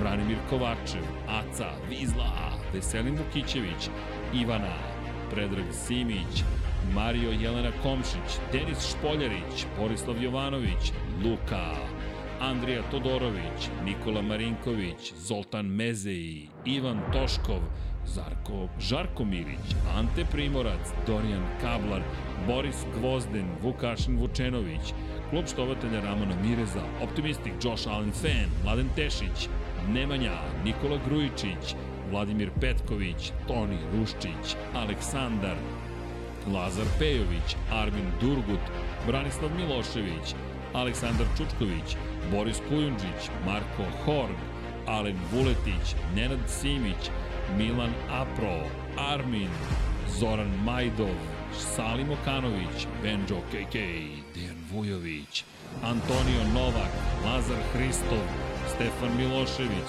Stefan Prijović, Stefan Vuletić, Stefan Ličina, Stefan još neki, Aleksandar Antonović, Aleksa Vučaj, Milan Nešković, Petar Nujić, Matej Sopta, Nenad Đorđević, Goša 46, Đole Kube 4, Jelena Veljković, Vukašin Jekić, Bufonac, Nedin, Gloria Edson, Nenad Panterić, Damir Veljanoski, Tijena Vidanović, Vladimir Uskoković, Zlatko Vasić, Đorđe Radojević, Marin Antunović, Milan Kića, Vladimir Stojadinov, Jelena Mak, Aleksa Lilić, Anonimus Donatorus, Miloš Rosandić, Bata Brada, Aleksandar Anđelić, Grgo Živaljić, Andrej Božo, Dušan Petrović, Ivan Maksimović, Kristijan Šestak, Boris Erceg, Vladimir Jovanović, Laslo Boroš, Deus Nikola, Mirina Kovačević, Mario Vidović, Marko Mostarac, Kovačević Omer, Jelena Jeremić, Pavle Nj, Marko Blagojević, Vuka Manitašević, Vuk Korać, Đurđica Martinović, Ferenc Laslofi, Bojan Mijatović, Stevan Zekanović, Lukas, Ružica Stefanović, Džigi Bao, Igor Vučković, Miloš Rašić, Zoran Šalamun, Stefan Vidić, Danijela Ilić, Nemanja Zagorac, Ljubo Đurović, Kimi Rajkonen, Nikola Božinović, Marko Radanović, Marina Mihajlović, Bojan Majstorović, Sead Šantić, Matija Binoto, Ivan, Vamblisapa, Ivan Maja Stanković, Nikola E, Emir Mešić, Andreja Branković, Stefan Radosavljević, Lje Đurović, Da žena ne sazna, Nikola Milosavljević, Marko Petrikanović, Novak Tomić, Tina i Ilija, Branislav Kovačević, Miloš Todorov, Jasmina Pešić, Klara Gašpar, Jugoslav Ilić, Daniel Kolobarić, Miloš Vuletić, Stefan Lešnjak, Inzulin 13, Mladen Krstić, Nemanja Jeremić, Darko Trajković, Ivan Panajotović, Borko Božunović, Ognjen Marinković, Marko Marković, Vojin Kostić, Dragan Nikolovski, Mlađan Antić, Baker Abdurmanov, Marko Kozić, Ertan Prelić, Dušan Delić, Ivan Ciger, Luka Savović, Luka Klaso, Bojan Markov, Bojan Bogdanović, Anonimus Donatorus, Aleksandar Jurić, Andreja, Mirina Živković, Andreja Miladinović, Aleksandar Radivojša, Katarina, Jovan Đodan, Danka, Aleksa Valter, Alen Stojčić, Nedim Drljević, Branimir Rijavec, Josip Kovačić, Resničanin, Nikola Petrović, Aleks Vulović, Marakos, Vukašin Vučenović, Vlada Ivanović, Branislav Dević, SS, Petar Bjelić, Ivan Doko, Vojislav Tadić, Josip Buljovčić, Alen Jesenović, Nemanja Cimbaljević, Ehil, Branko Rašević, ex Nikola Grujičić, Omer Sarajlić, Jovan Bojanić, Nikola Vulović, Pujo, Aleksandar Nikolić, Milorad Reljić, Krorobi 0-0, Nikola Grđan, Ivan Vujasinović, Vuk, Kosta Berić, Din Stero, Domagoj Kovač, Vladin Vladan Đurić, Lazar Milentijević, Aleksandar Kockar, Uroš Ćosić, Oliver Nikolić, Miloš Zed, LFC, Ivan Božanić, Mađar 007, Bojan Gitarić, Vladimir Vujičić, Ljiljana Milutinović, Miloš Stanimirović, Bakadu, Uroš Čuturilo, Anonimus Donatorus, Ivan Vincetić, Bruno Jurić i Plackov Plackov, Toni Soni 76, Đera 7, Marko Bogavac, Nikola Adamović, Vladimir Subotić, Bojan Stanković, Sejdo Mujčić, Zlatko Marić, Tatjana Lemajić, Milanka Marunić, Ivan Hornjak, Almedin Ahmetović, Ivan Magdelnić, Jelena Jeremić, Marina, Milan Knežević, Nikola Niksi, Almir Vuk, Nemanja Bračko, Igor Ilić, Goran Mrđenović, Nikola Kojić, Galeksić, Drago Veković, Vladan Miladinović, Ivana Vesković, Dejan Janić, Žikasu, Žikasu, možda Marko Stojković, Srđan Ćirić, Igor Ninić, Saša Stevanović, Ada Sokolović, Maksi, Bojan Markov, Toleador, Pavle Lukić, Skundra, Škundra zapravo, Nikola Božović, Šiksi, Nemanja Miloradović, Aleksandar P,